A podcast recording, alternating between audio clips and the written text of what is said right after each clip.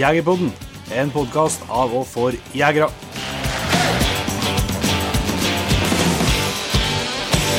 Hjertelig velkommen til en helt ny episode av Jegerpodden. Eh, Jon Inge, Ja. du overlevde, overlevde av Gyda.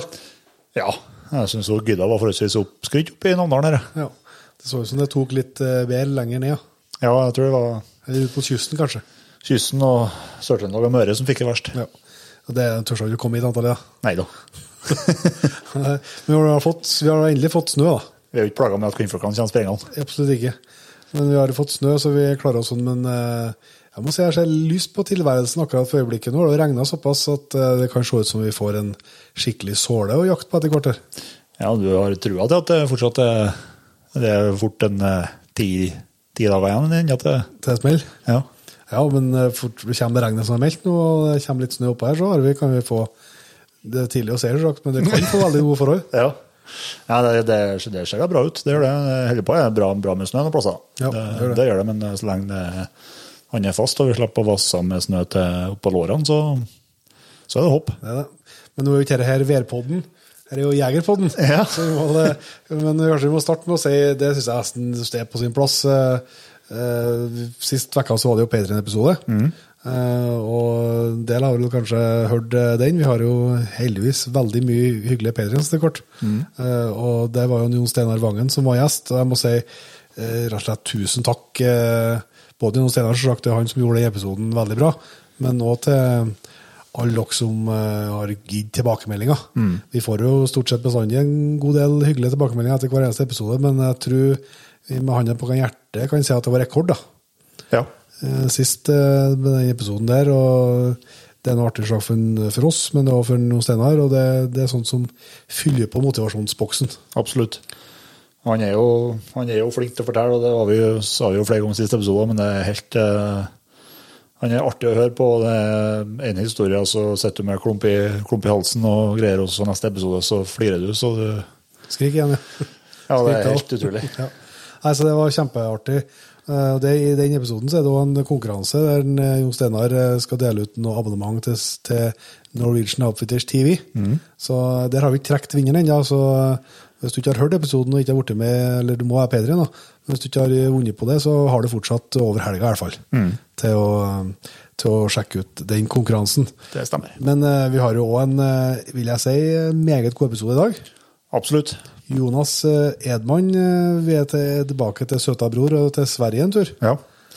Han er jo eh, det man kan kalle en virkelig dedikert revjeger. Yes. Eh, bruker masse tid på, på å jakte rev med, med støver og terrier. og Han skjøt da bra med òg, så, Ja, si. så jeg tror han vet hva han prater om. Ja.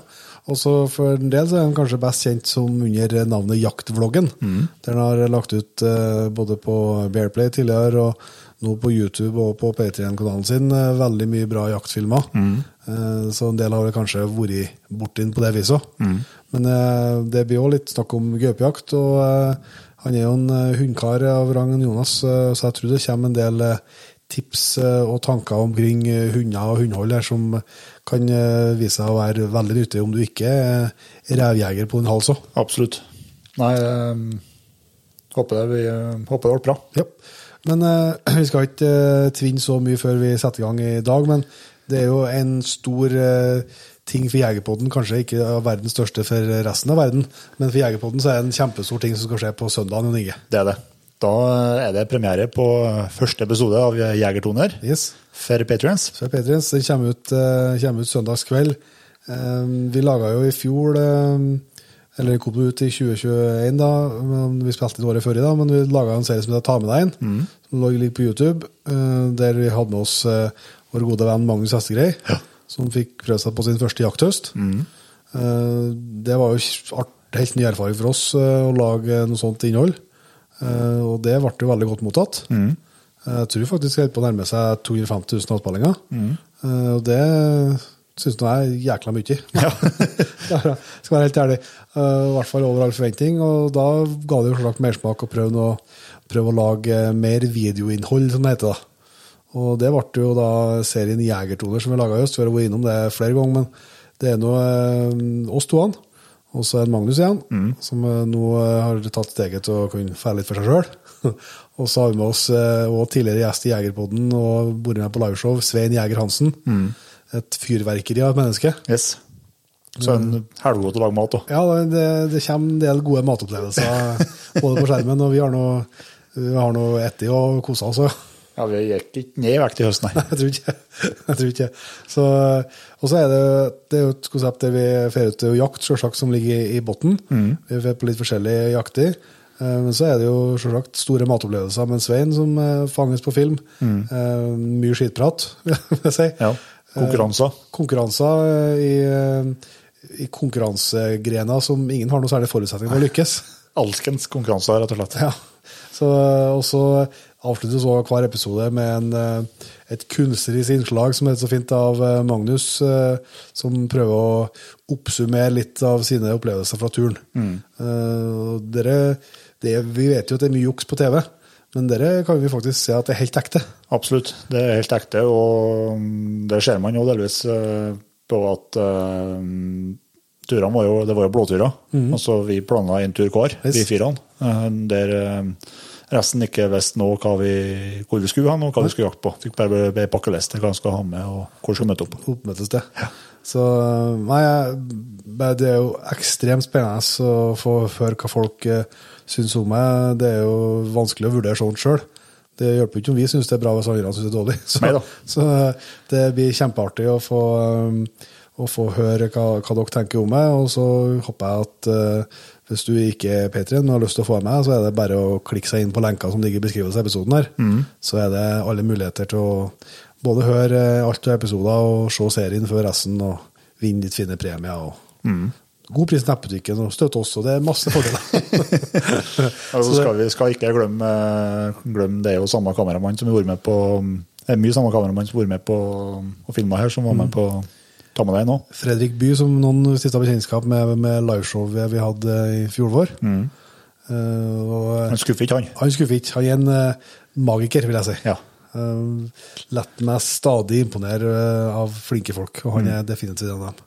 Så det håper jeg at eh, folket sjekker ut. Men eh, det var nå det for her runden, så vi nå komme litt tilbake til Jegertoner når det kanskje har begynt å folk har fått sett det litt, og kanskje fått noen reaksjoner. Men da tror jeg vi eh, bare setter over til en til søta bror og til en Jonas. jeg. En god helende team med støver og terrier og revejakt og gaupejakt. Det er fint, det. Det er bra. Da har vi gleden av å befinne oss i Sverige igjen, og kan ønske Jonas Edman hjertelig velkommen til Jegerpodden. Tack så mycket. Du, Jonas, er jo kanskje best kjent for en del, i hvert fall som jaktvloggen. Ja, det har väl blivit så eh, sista året i alla fall. Eller sista, ja, det är väl sista året. Vi har i hvert fall eh, sett, og det sikkert mange av dem som hører på Jegerpodden nå, sett på filmene eh, dine både på, ja, tidligere på Bearplay og videre på, på YouTube. Eh, Du jakter jo mye forskjellig, eh, og kanskje aller fremst revjakten, eller? Ja, precis. Det är väl, ja, man kan väl säga att det är i alla fall 95 procent eh, jagar, jagar jag väl räv. Det Ja. känns som att, sen blir det väl lite lodjursjakt och någon björnjakt kan jag inte påstå att jag bedriver överhuvudtaget. Då jag, jag har ju hundar som är rädd för dem så. Men det får vi komme tilbake til. Men kan ikke du først eh, fortelle litt, Jonas, eh, hvem du er, hvor bor du, og, og hva driver du med? Ja, vart jag bor? Jag bor i Dalarna gör jag. Eh, 32 år, jagar och bor i Dalarna. Eh, vad gör jag? Jag jobbar ju heltid på en industri i Borlänge också då. Och samtidigt som jag försöker redigera filmer, jaga så mycket som möjligt och ja, hela den biten. Jag har två stövar och en terrier då. Ja. Hvordan, eh, hvordan kom interessen for eh, jakta til deg? Starta du jakta helt fra du var liten, eller? Ja, alltså det, det är många som tror det att, eh, att man då har jagat från att man var ja, men barnsben och satt i farsans ryggsäck sådär. Ja. Så har det inte riktigt varit. Däremot jag var jag med farsan en del i, i ung ålder då, men jag kan väl inte säga att jag hade något vidare intresse för ja, han tog ju med mig då på någon bockpysch och jaga morkullar på nätterna och hela den här biten. Och eh, jag kan inte säga att det var någon eh, jättefrestelse. Dels är jag jättekvällstrött och har varit hela mitt liv. Jag brukar krascha, somna ganska tidigt. Så att eh, jag satt ju ofta och sov på den där ryggsäcken när vi skulle jaga morkulle. Ramlade av stolen och fick skäll för det mesta. Eh, kunde inte sitta still på bockjakten så det vart ju också något ont öga där. Men eh, mycket åt det hållet var det. Så att jag hade väl inget vidare intresse egentligen i tonåren heller. Det var mycket annat som, eh, ja, som jag höll på med. Epatraktor och fruntimmer och... Ja, alltså det var väl mopeder och fruntimmer som gällde och sen eh, började man ju på komma i den åldern där det var rätt så kul att ta någon folköl också. men, eh, nej, men sen var det väl att jag, jag och farsan var ju uppe i, eh, i Västerbotten och jagade med några kompisar till hand så att eh, egentligen där började det väl lite, lite grann. Jag sköt en älg på ståndskall då för, för hans eh, stamtid kan man säga. Mm -hmm. eh, och där någonstans så hade det väl där hade det väl egentligen redan börjat klicka in, men där eskalerade kan man väl säga. Mm. Eh, han har ju haft både terrier ganska länge, så att jag sköt, jag vet jag sköt någon grävling på, det var på någon skyddsjakt faktiskt. Eh, och sen därefter så vart det nog att, ja fan kan det vara så här att jaga liksom, det, det var ju något helt annat. Mm. Eh, När liksom hund, hundgrejen kom in? Ja, precis, då var det ju liksom Ja, jag vet inte. Att se hundarna jobba och hela den här biten, eh, det gjorde väldigt mycket. Eh, och man, man, man är så mycket mer aktiv. Alltså, då jagade vi gryt, jag vet vi var under någon lada och vi sköt någon i något jordgryt också. Men jag menar, då, då är man ju aktiv, man gör ju någonting själv hela tiden. Och dessutom så, man, man kan ju påverka jakten på ett annat sätt än om du bara sitter på en åker och stirrar. Mm. Mm. Det är väl så det har varit för mig egentligen hela tiden. Att, eh, jag vill kunna påverka jakten själv också. Ja. Ikke mm. bare ta den chansen som kommer, nej. Och absolut, det kan ju vara kul att åka ner och, till exempel på en drevjakt eller sådär en gång om året, men eh, det är ingenting som jag skulle vilja bedriva på, på daglig basis så att säga och stå och skjuta klövvilt, hejvilt liksom. Nej. Ja, det som är fördelen med rävjakt är att det sällan det blir några långa pass. Nej, precis. Det blir ju ofta att man får vara lite rörlig och framförallt eh, som, som jag och eh, mina kompisar jagar här omkring då, då är man ju ofta en, ja, men en, mellan en, att man är själv då till att man kanske är tre, fyra personer. Mm. Eh, och det tycker jag är alldeles lagom och jag tycker framförallt jagar man gryt så tycker jag inte man ska vara så många fler. Det blir bara stökigt.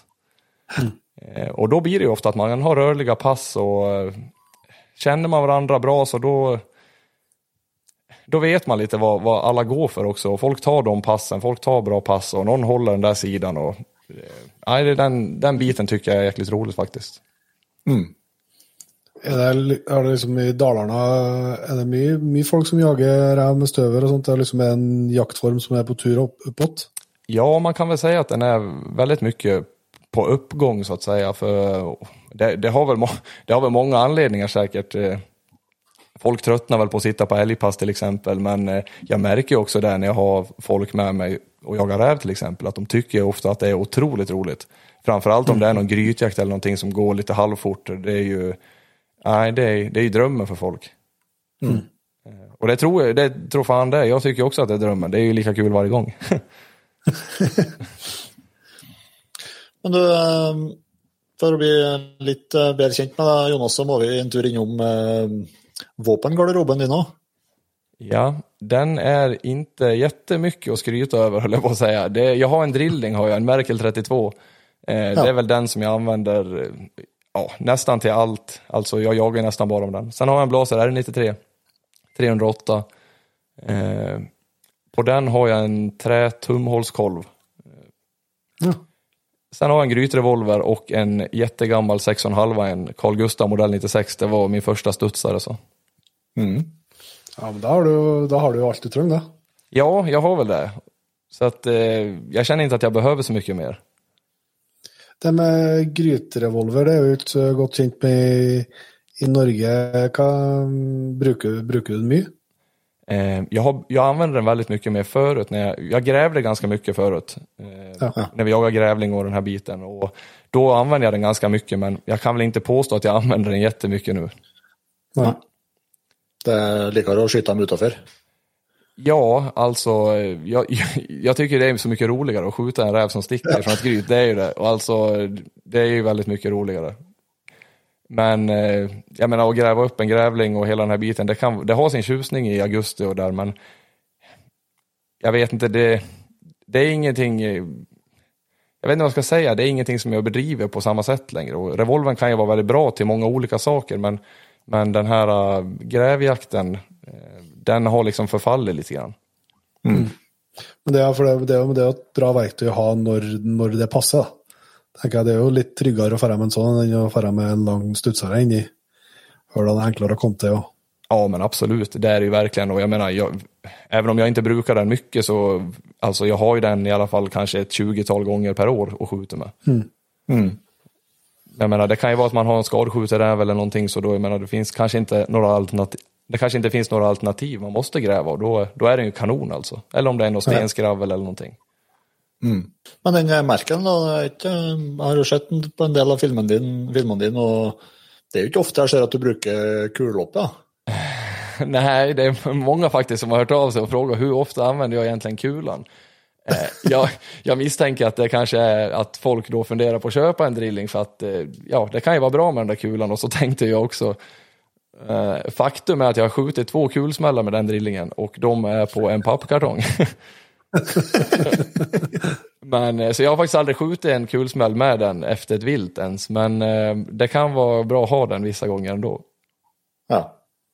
Ja, du vet jo at den finnes, da. Hvis Ja. den. Ja men precis, jag vet att den finns där och faktiskt de få gångerna som jag verkligen skulle ha behövt den, då har jag inte haft någon kula i istället. Nei. Eh, tyvärr. kanskje på, på, på lodjursjakten at det, det er kjekt, da.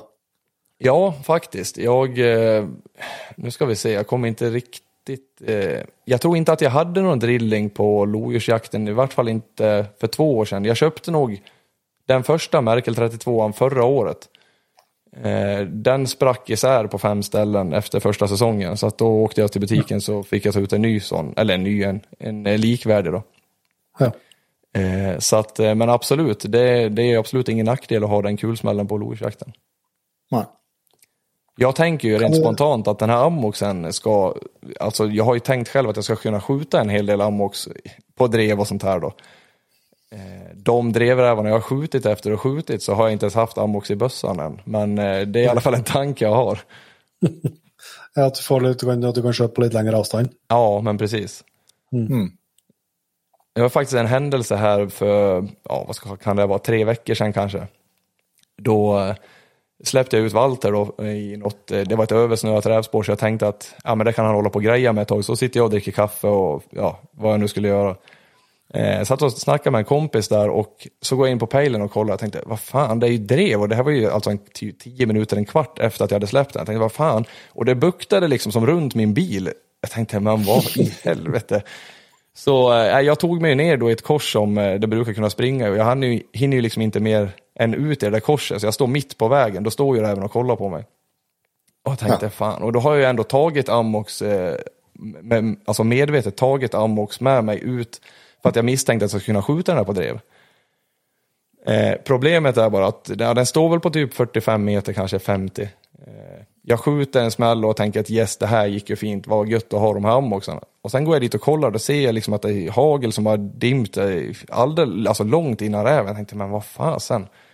Och så kommer Walter, han driver under ett bra tag efter och eh, jag får lov att koppla nere på en åsen. Eh, det fanns inte ett blodstänk, ingenting efter den här räven. Och när jag kollar där jag har skjutit med, alltså då finns det ju, då har jag ju två olika hagel. Antingen så skjuter jag spridarhagel, de är ju röda. Och sen skjuter jag ammox, de är också röd, alltså patronen är röd. Och sen har jag några andra skott som är någon annan färg, grön eller så. Då har jag alltså tagit en spridarhagel istället och skjutit på det där haglet. Så, ah, det var ju liksom ingenting som hade träffat. Men eh, någon gång så har man säkert rätt skott i där så då kommer de väl till pass den där ammoxen. Vi hadde jo en gjest eh, for noen uker siden som, eh, som har anvendt en del Amox og var veldig fornøyd. Mm. Bare, bare man husker på at man måtte holde, holde litt høyere. Ja, och det har jag också hört, så jag, jag gjorde ju det lite medvetet på den här räven också, men det spelade ju ingen roll då. Ja. Men eh, hva er det, er det, det er fire, hvilken hagelstørrelse liker du å bruke, da? Ja, Alltså förra om åren, då har jag väl egentligen inte brytt mig alls, utan då har jag bara stoppat i det jag haft. Och nu har jag väl märkt eh, med, med åren här att det, det spelar ju faktiskt en del roll vilket, vilka hagel man har. Men nu skjuter jag de här spridarhaglarna och det är väl fyror tror jag. De skjuter jag på gryt. Ja. Eh, och sen så skjuter jag ja, tvåor och treor på drev då. Ja. Eller, ja, eller ammox då. Ja. ja, det, det varierar lite utifrån på grund av att det blir kortare, kortare håll på, på gryt eller? Ja, det brukar jag göra. Och som till exempel, eh, vi stod i en tallhed här runt en kolbotten, jag och en kompis, och då fick vi, håll, vi fick ställa ut väldigt stort, för den här var väldigt stor kolbotten, så vi ställde oss väldigt stort runt om så vi skulle kunna passa varsin linje liksom runt, så vi hade två linjer var runt det här grytet. Eh, Så vi skulle kunna passa som i en fyrkant. Eh, och då hade vi egentligen en död vinkel som, ja, där hade det inte gått att skjuta för det hade varit som över 50 meter ut där. Men det var ju den chansningen vi fick göra. Och då, kommer, då, då väljer jag att använda, ja, jag tror att jag sköt med kanske två eller tre där på det där grytet. Mm. Eh, Och då är det sådär, ja, man kan ju få det även rätt i knät, men då, då får man ju försöka hålla rätt istället. Ja. Men i annat fall så har jag nästan alltid en spridarhagel i första pipan och i andra pipan har jag ja, ett vanligt hagel, kanske en trea. Men eh, du sa här att du hade eh, två stövare av en terrier. Vad hade du i Ungern? Ja, jajamän, två stövar och en terrier. Hvordan, eh, vi må få høre litt mer om, om dem og raser og forskjellig. Ja, alltså nu kanske det här kommer sticka i ögonen på, eller öronen på vissa personer, men alltså Eh, jag har ju en skiller då som är tre och ett halvt år som jag har ju, alltså jag har ju slitit mitt hår över alltså. Det, det, har, det har ju varit en mardröm väldigt mycket av tiden och, och, och haft han faktiskt. Han är ju otroligt trevlig hemma och hela den här biten och han har ju ett fruktansvärt driv. Eh, han, eh, han har ju ett sök som är, liksom, ja, men det är som oändligt, han kommer aldrig tillbaka. Eh, han kan ju springa några mil på en dag liksom på sök. Det, det är inget, inget konstigt för honom. Men sen driver han snabbt. Jag menar, och det är någonting som jag värdesätter. Tidigare har han inte väckt någonting. På katterna så då kunde han slå något väckskall. Eh, han brukade nästan jämt slå något väckskall på dem. Men eh, på allt annat vilt var han jämt tyst. Eh, ja, till, till upptag då. Sen var han ganska hårdskälld på dreven då också. Som fram till för, egentligen i år då. Men alltså han har ju ett sånt fruktansvärt intresse för hare, alltså det är ju helt otroligt. Alltså det, det, det går bara inte att få, ut, få ur han det heller. Jag har ju försökt att ta ur han det här intresset, men det, det är samma sak som att ta ur han jakten. Liksom. Det, det går inte. Ja. Så, eh, Du från, har ikke så stor interesse for harer? eller? nej, det kan man inte påstå. Och eh, faktum är att jag har ju skjutit kanske sju harar för honom. Men jag har aldrig låtit han komma fram till någon. Men eh, nej, jag har inget intresse överhuvudtaget att jaga hare faktiskt. Det har jag inte. Men alltså han har ju haft intresse för alla vilt genom sitt år, eller genom sitt liv då. Det började egentligen med att han jagade otroligt mycket vildsvin ett tag som övergick till att han jagade jättemycket älg och sen vart det ju rådjur och mellan allt det här egentligen så har han ju också jagat mycket hare. Men han har ju inte haft något i rävintresse liksom. Mellan alla de här villebråden så har ju räv liksom varit, det har ju aldrig varit på agendan. Nej. Hur mycket jag än har velat. Eh, Så det är ju egentligen, man, ska, man kan kalla det, kan man säga kanske slutet på förra året, mitten på förra året, då började han liksom att jaga lite räv och visst jag hade skjutit en hel del räv för han innan också, men det är som att det har, liksom, det har inte klickat i att han är intresserad av dem. Nej. Eh, men eh, ja, katt och hare, det är väl det han har tyckt roligast. Det är helt otroligt. Men eh, så nej, han har väl haft otroliga problem med och än idag så, han är ojämn, han är väldigt s- störningskänslig. Eh, det, han har väldigt lätt liksom att, att komma av sig om det är någonting som händer på drevet eller sådär. Han kan ju, Okej. han kan ju jaga räv otroligt bra. Framförallt om det inte är mycket störningsmoment. Men han har ett dåligt tapparbete också, tycker jag. Alltså han, eh, han gör, på tapptarna kan han göra samma sak som han gör vid katter ibland när de träar. Att då kan han bara dra, ja alltså då, då kommer det här söket in och blir en negativ sak då. För istället för då att göra typ en ring runt där han har tappat det så kan han då, ska, ska försöka skära och hitta på spåret.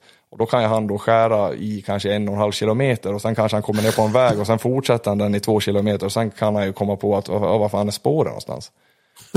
Och eh, jag menar, hämtar han där då, det, det, det, var senast här, inte alls länge sedan, då har jag liksom, han drev en räv så fruktansvärt fort och den valde att bara blåkuta ut över hygge. Eh, och det var tung snö, tre dess kanske, så det var nog väldigt, väldigt nära att han kom ikapp den där. Men, eh, men det gick ju inte eftersom att när räven har ju liksom tagit höger och han har tagit vänster då. De har egentligen bara kommit på kant om varsitt träd och sen har han som fortsatt vänster och tänkt att ja fan den här är här någonstans, jag kommer, jag kommer komma ikapp den och det blåste ju storm den dagen. Så att förmodligen så har han haft vind alltså av spåret neråt när han har fortsatt bara åt det ja. hållet.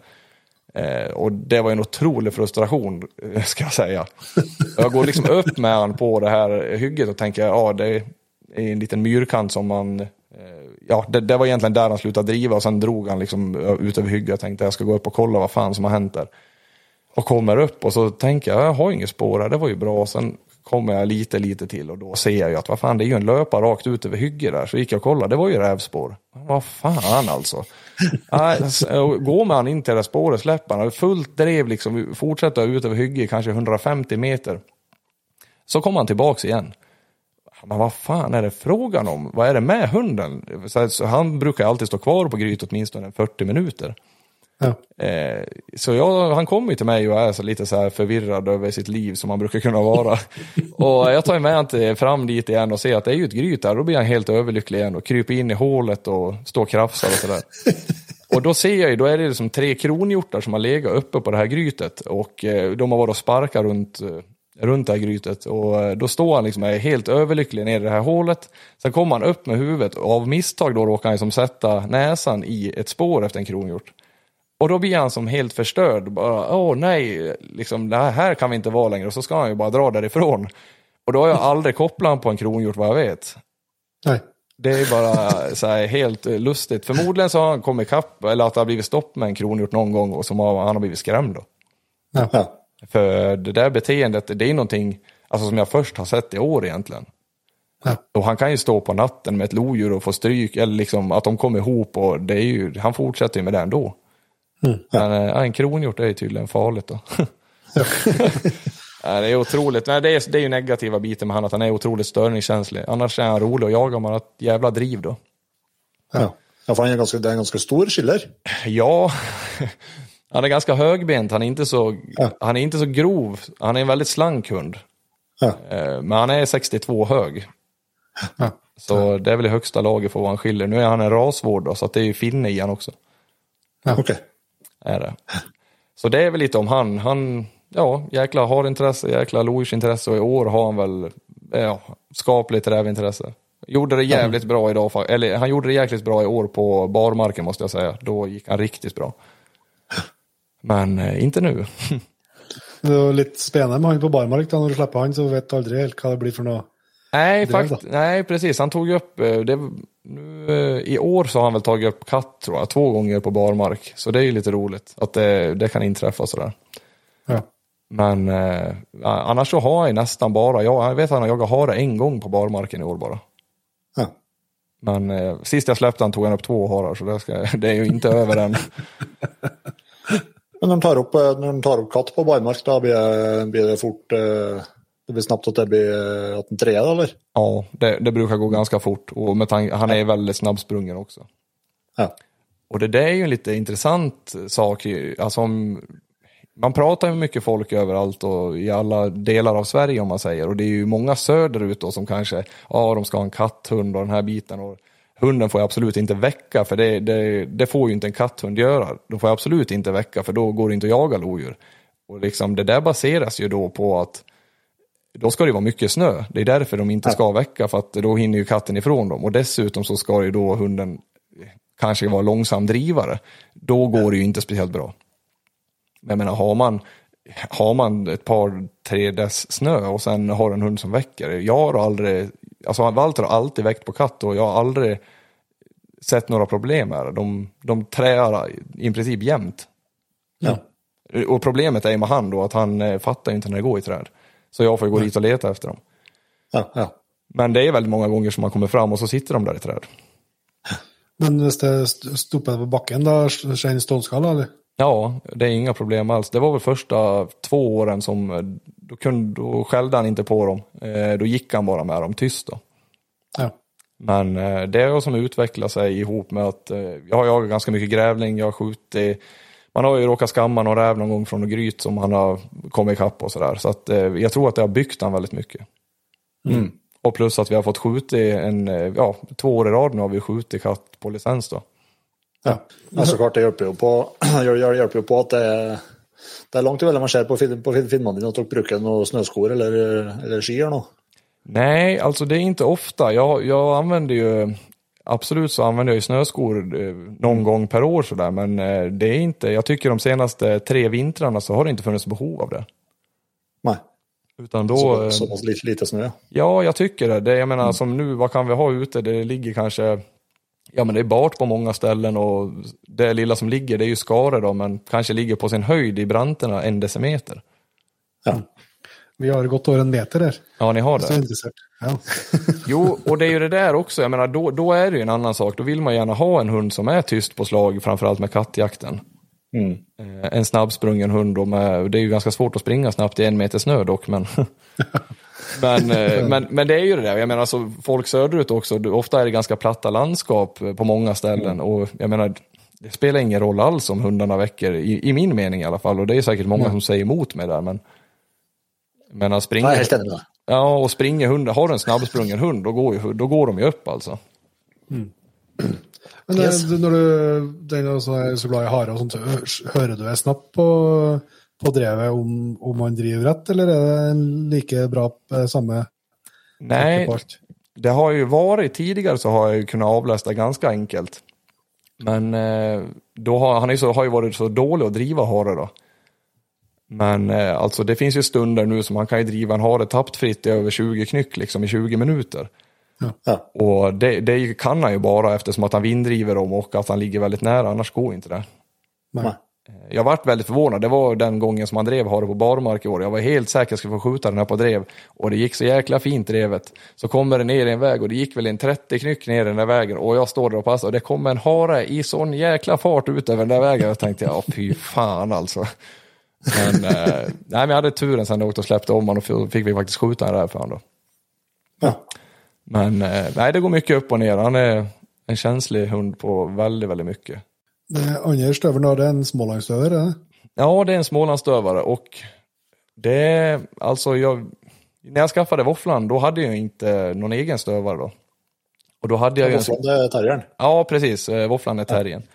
Och när jag skaffade henne då hade jag ju ingen stövare och eh, när hon där började fungera, eh, som tur var så hade jag kompisar som hade väldigt duktiga stövare så jag vart ju ganska mycket jakt. Mm. Eh, men eh, i samband med hela det där så vart det att eh, jag hade en Smålandsdövatik som heter Senta, eh, Emil Larsén som äger henne.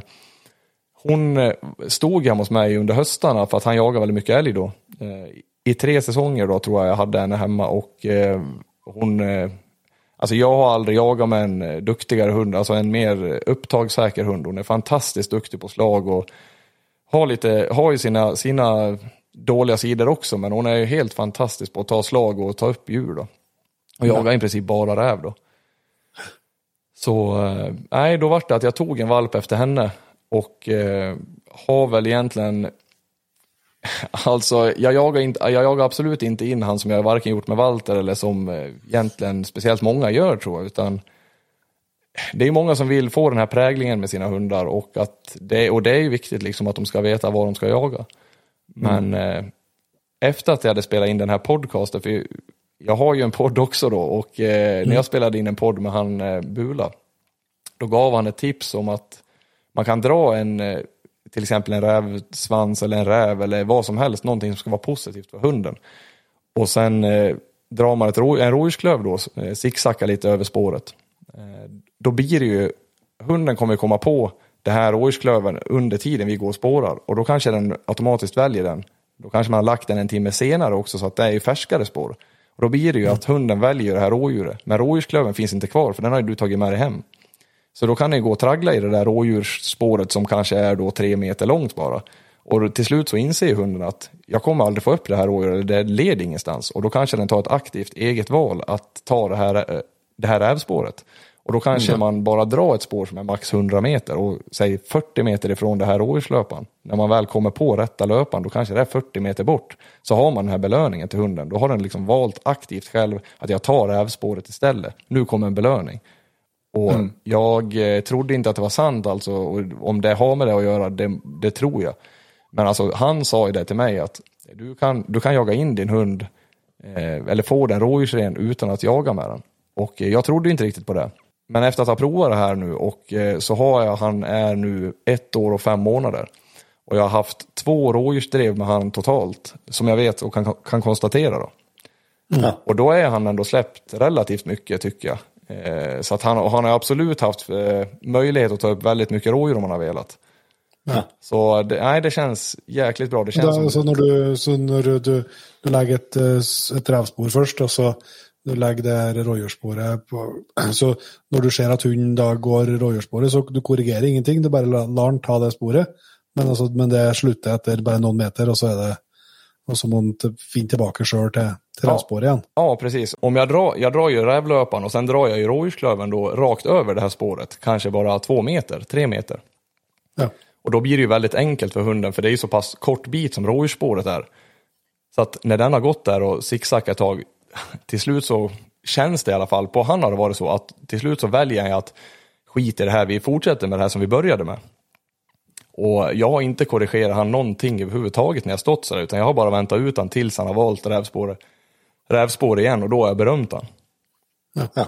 Eh, så, så har jag gjort med han och till slut så märkte jag att han bryr sig inte om det där rådjursspåret överhuvudtaget. Nei, og så får jo- får sin naturlige belønning med, med at han finner revsvansen, eller Ja, precis. Och jag har ju aldrig belönat dem egentligen med godis eller någonting, utan jag, han har ju tyckt då att döda rävar och rävsvansar, han har ju alltid tyckt att det har varit väldigt kul som valp. Ja. Och det är ju inte alla stövare som gör det, så att då får man kanske ta fram en annan form av belöning. Men han har ju alltid tyckt det, så då har det varit naturligt att det har varit belöningen. Ja. Och sen tror jag också att, alltså nu är inte jag någon eh, hundpsykolog överhuvudtaget, men alltså jag tror ju att hundarna, när du kommer fram till belöningen så blir du så pass glad och, liksom berömmer hunden så mycket så att det är mycket det som gör att hunden ser det som en belöning.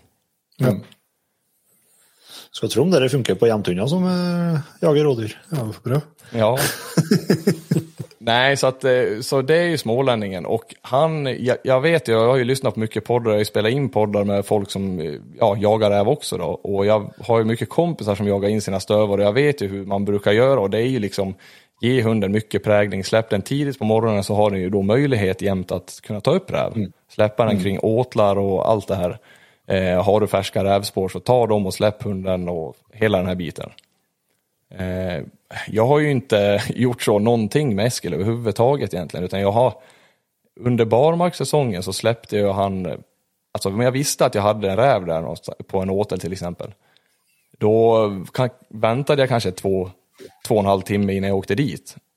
Och alltså det, då kunde jag åka, jag, jag kunde ju liksom inte åka och släppa Walter någonstans för att då ofta blir han borta resten av dagen. Om man inte åker och hämtar. Men då kan, kunde jag bara sitta och dricka kaffe och vänta ut tiden. Och sen, eh, sen åkte jag och släppte han där när det hade gått den tiden som jag tyckte där och då. då. Ja. Och då ge, presenterar jag, jag vet att det finns ett spår där, men jag vet också att det är, eh, ja men säg att det är då två timmar.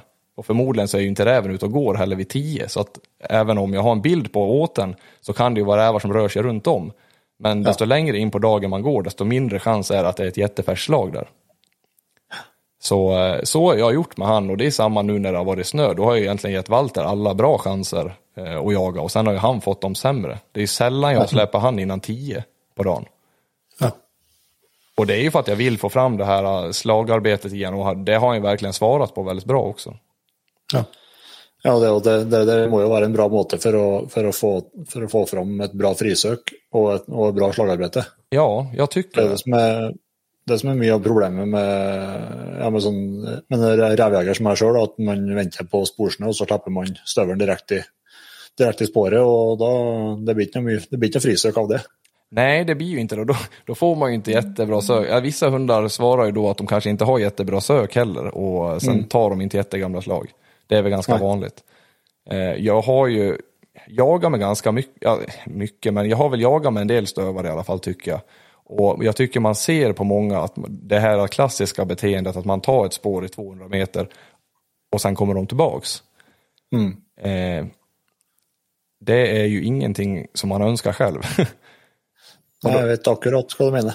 Ja, och då känns det som att eh, ja, då vill man gärna göra någonting åt det där. Och problemet som jag har haft eh, i den där aspekten, det är ju med Walter då, att han kommer ju aldrig tillbaks. Om han bryter ett slag, då sticker han bara åt något håll.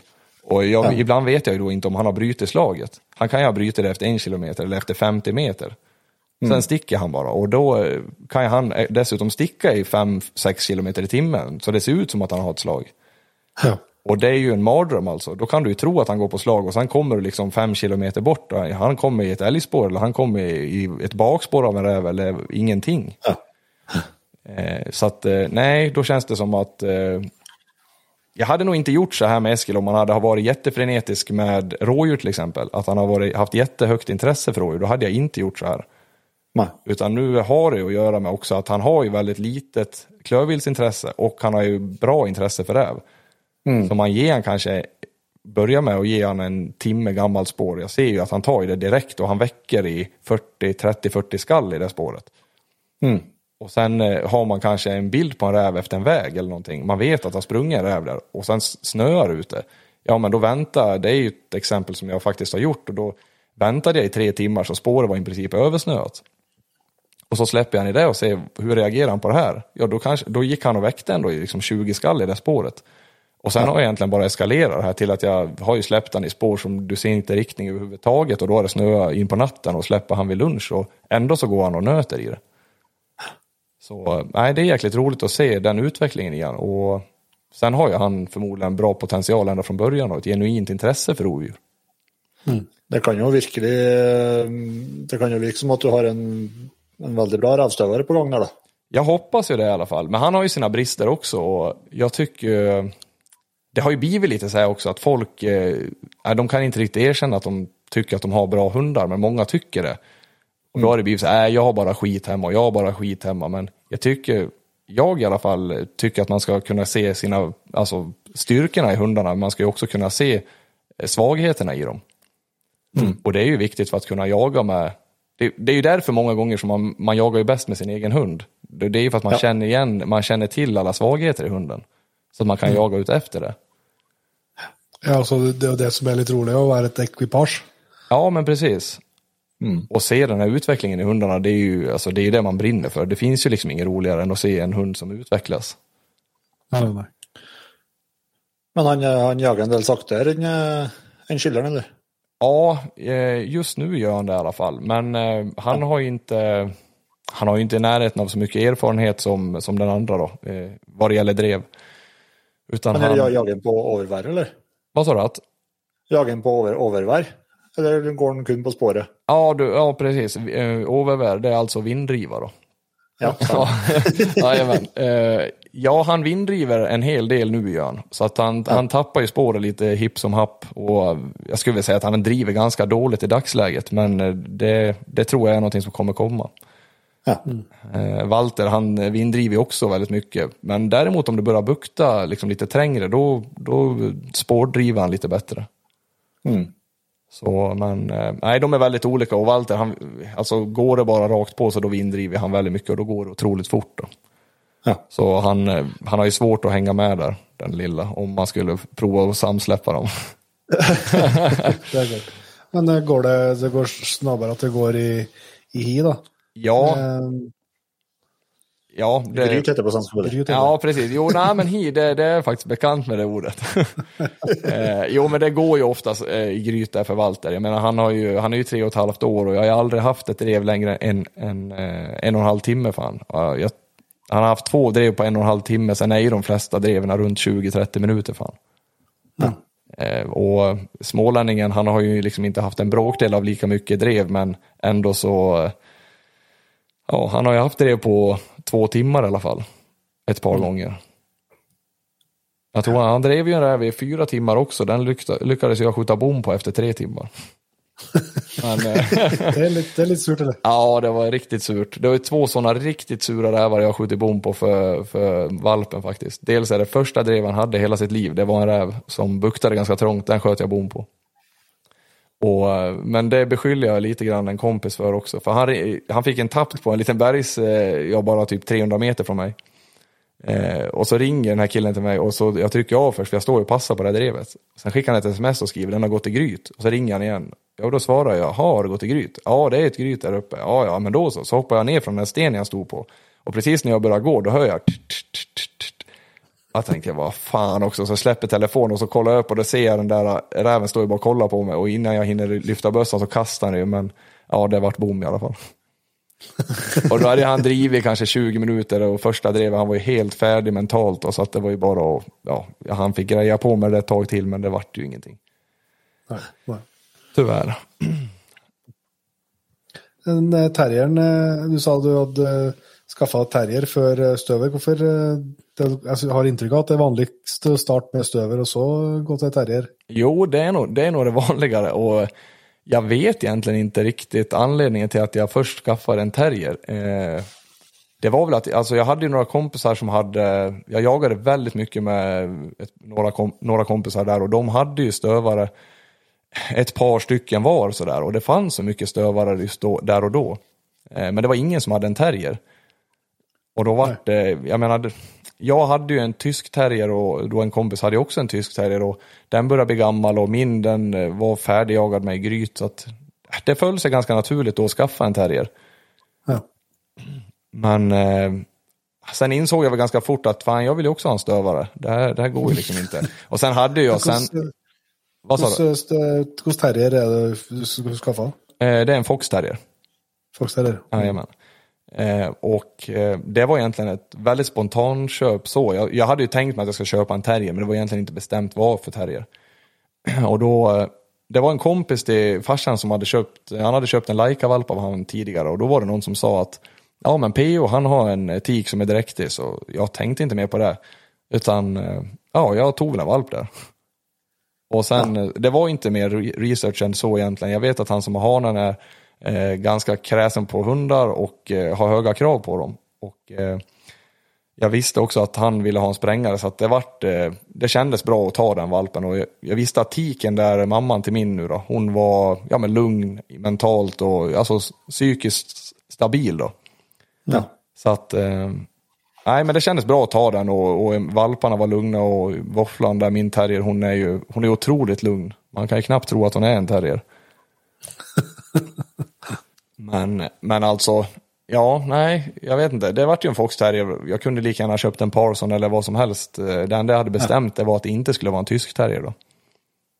Ja, för att, uh, varför inte tysk terrier? Ja, anledning, anledningen till att jag inte vill ha en tysk terrier det är ju att jag har ju haft en tidigare. Och det, det, ja, jag tycker ju själv att det, det, är för mycket pulver i dem. De har för mycket, de har ofta för hög skärpa tycker jag. Mm. Och det är ju också säkert jättemånga som eh, motsäger det och att det ska ju vara ett jäkla tryck i hundarna hit och dit. Men eh, det beror ju lite på hur mycket man jagar också och hur ofta får hundarna tillfället att jaga gryt. Jag menar, jag har ju inte, jag har inte tid att ha en hund som står skadad en hel vecka.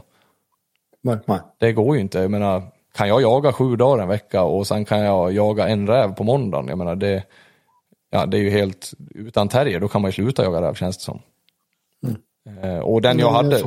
Vad sa du? Jag tänkte det var, det var mycket pulver i den, den du hade. Den ja. du hade. Ja, det, det, oh, det var ett jäkla pulver i den. Eh, det var det. Och jag, det kan jag väl ta på mig lite själv också. Jag jagade nog in den väldigt fel på många vis. Eh, men, eh, men absolut, den var ju för skarp, det var den. Mm. Vad fel du gjorde? Eh, när man, är man medveten om att man har en skarp terrier så eh, är väl det kanske sämsta och släppa den då i, ja men säg tidigt augusti eller tidig september när du har de här äh, årsvalparna. Du vet kanske att du är i släpp i ett område där du har haft en kull. Och sen mm. släpper mm. du då den här terriern, det är stor risk då att det kanske är en valp inne. Eh, risken att släppa in en hund med en väldig dådkraft och lite mycket, mycket skärpa, det blir ju då att eh, ja, du, du, du, du behöver inte skjuta räven helt enkelt. Nej, nej. Och det är ju ett jäkla fel, alltså då lär sig hunden direkt att ja, så här kan vi göra. Och jag menar då kanske du, som i mitt fall då, det här inträffade och sen så kanske du dessutom åker och släpper på en skadad räv. Mm. Ja. Och det vart ju samma utgång där. Och sen då två stycken dåliga händelser på en dag. Det, det där banade vägen för någonting som jag inte kunde tänka mig. Ja. Alltså i min vildaste fantasi. Så att det, nej, det var synd och jag, lämnade bort henne till en tjej som tog över henne som sällskapshund till slut. Ja. Eh, men eh, ja, nej, hon var för skarp helt enkelt. Hon var jätteduktig drivare så. Jag hade jagat jättemycket rådjur med henne under en tid. Vi sköt ganska mycket grävling för henne, vi sköt mycket räv för henne också. Hon var ju fantastisk sprängare första två åren. Ja. Men eh, nej, sen, sen gick det ut för helt enkelt. Ja. Men uh, Våfland det virker nok til å være eh, det, er- det noe ræva på samvittigheten til, til hun. Ja, det har ju blivit någon räv har det blivit.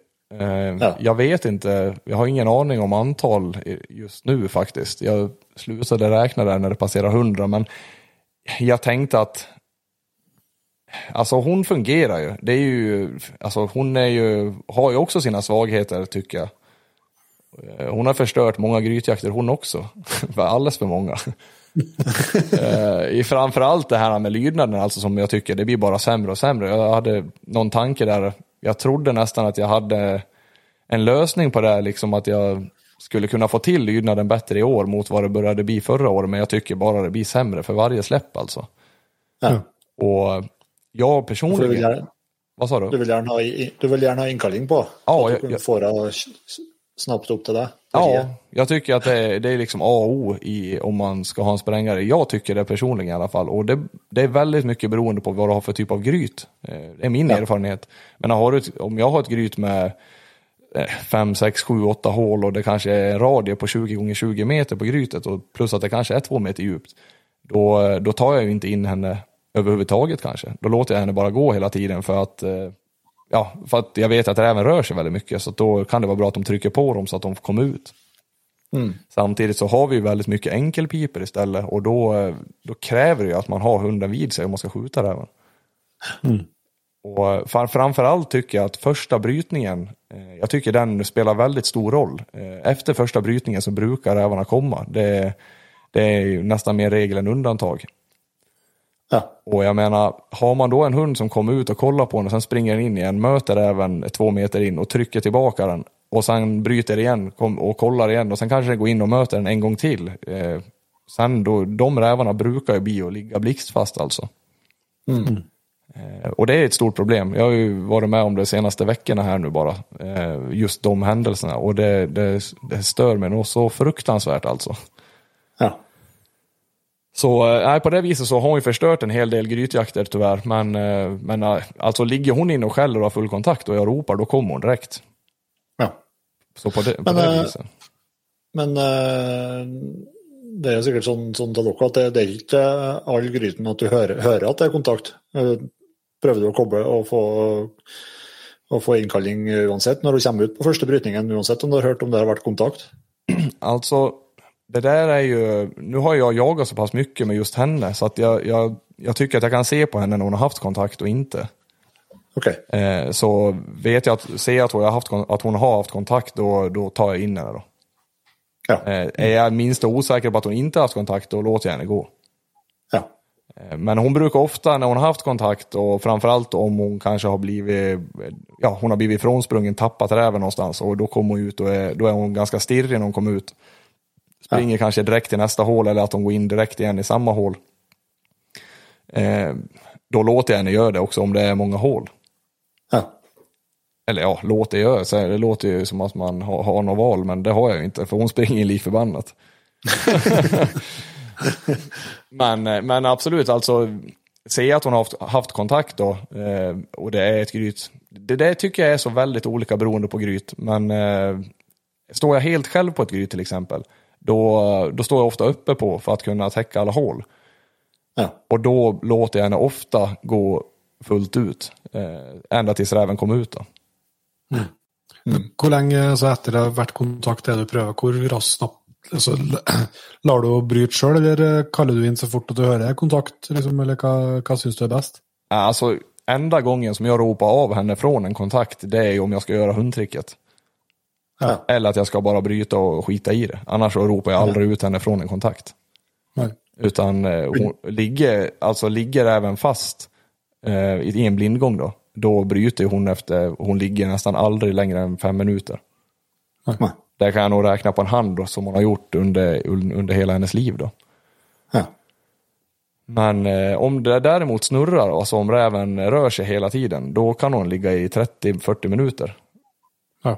Och det är ju precis så jag vill ha det, för det finns ju ingen anledning för henne att lämna grytet om räven är i full rullning hela tiden. För att det är risken att räven ska lämna när hon är i är ju större då.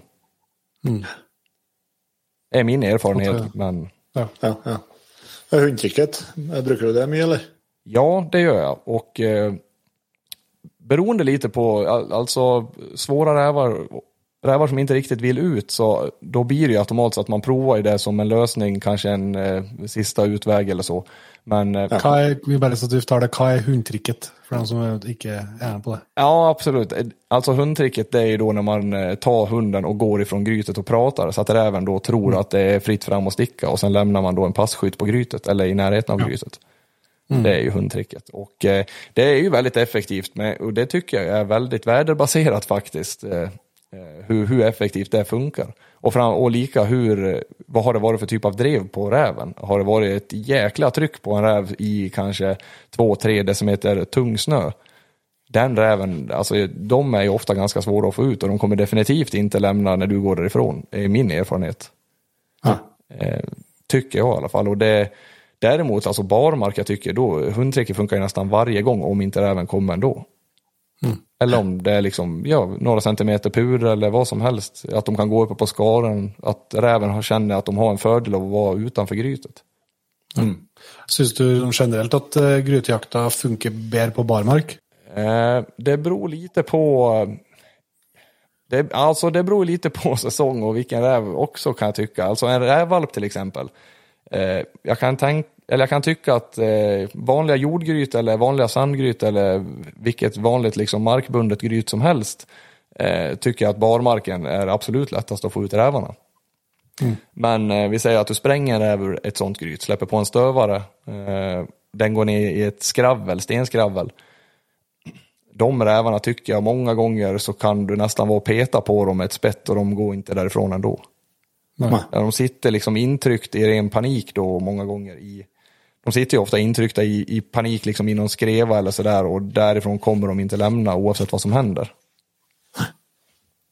Men, eh, men absolut, alltså det beror ju så mycket på tycker jag vilka, vad man har haft för jakt på rävarna, vad är det för före ute, till exempel är det upplega, alltså det hänger mycket snö i träna. Det är ett par tre plusgrader och det droppar hela tiden. Alltså försök stå tyst utanför ett sånt gryt, det ramlar ju snökoker hela tiden. Ja. Jag menar ett hundtrick där, jag menar räven tror jag det är saker som händer utanför hela tiden. Ja. Man kan ju lika gärna ställa en bandspelare där, jag menar det... men eh, nej, så det, det är väldigt, mycket, väldigt olika sådär, men absolut barmarksjakten, jag gillar ju den på alla vis egentligen. Jag gillar ju grytjakten mer på barmark, jag gillar ju eh, alltså stövarjakten mer på barmark, jag gillar allt med barmark, barmarken väldigt mycket mer. Ja.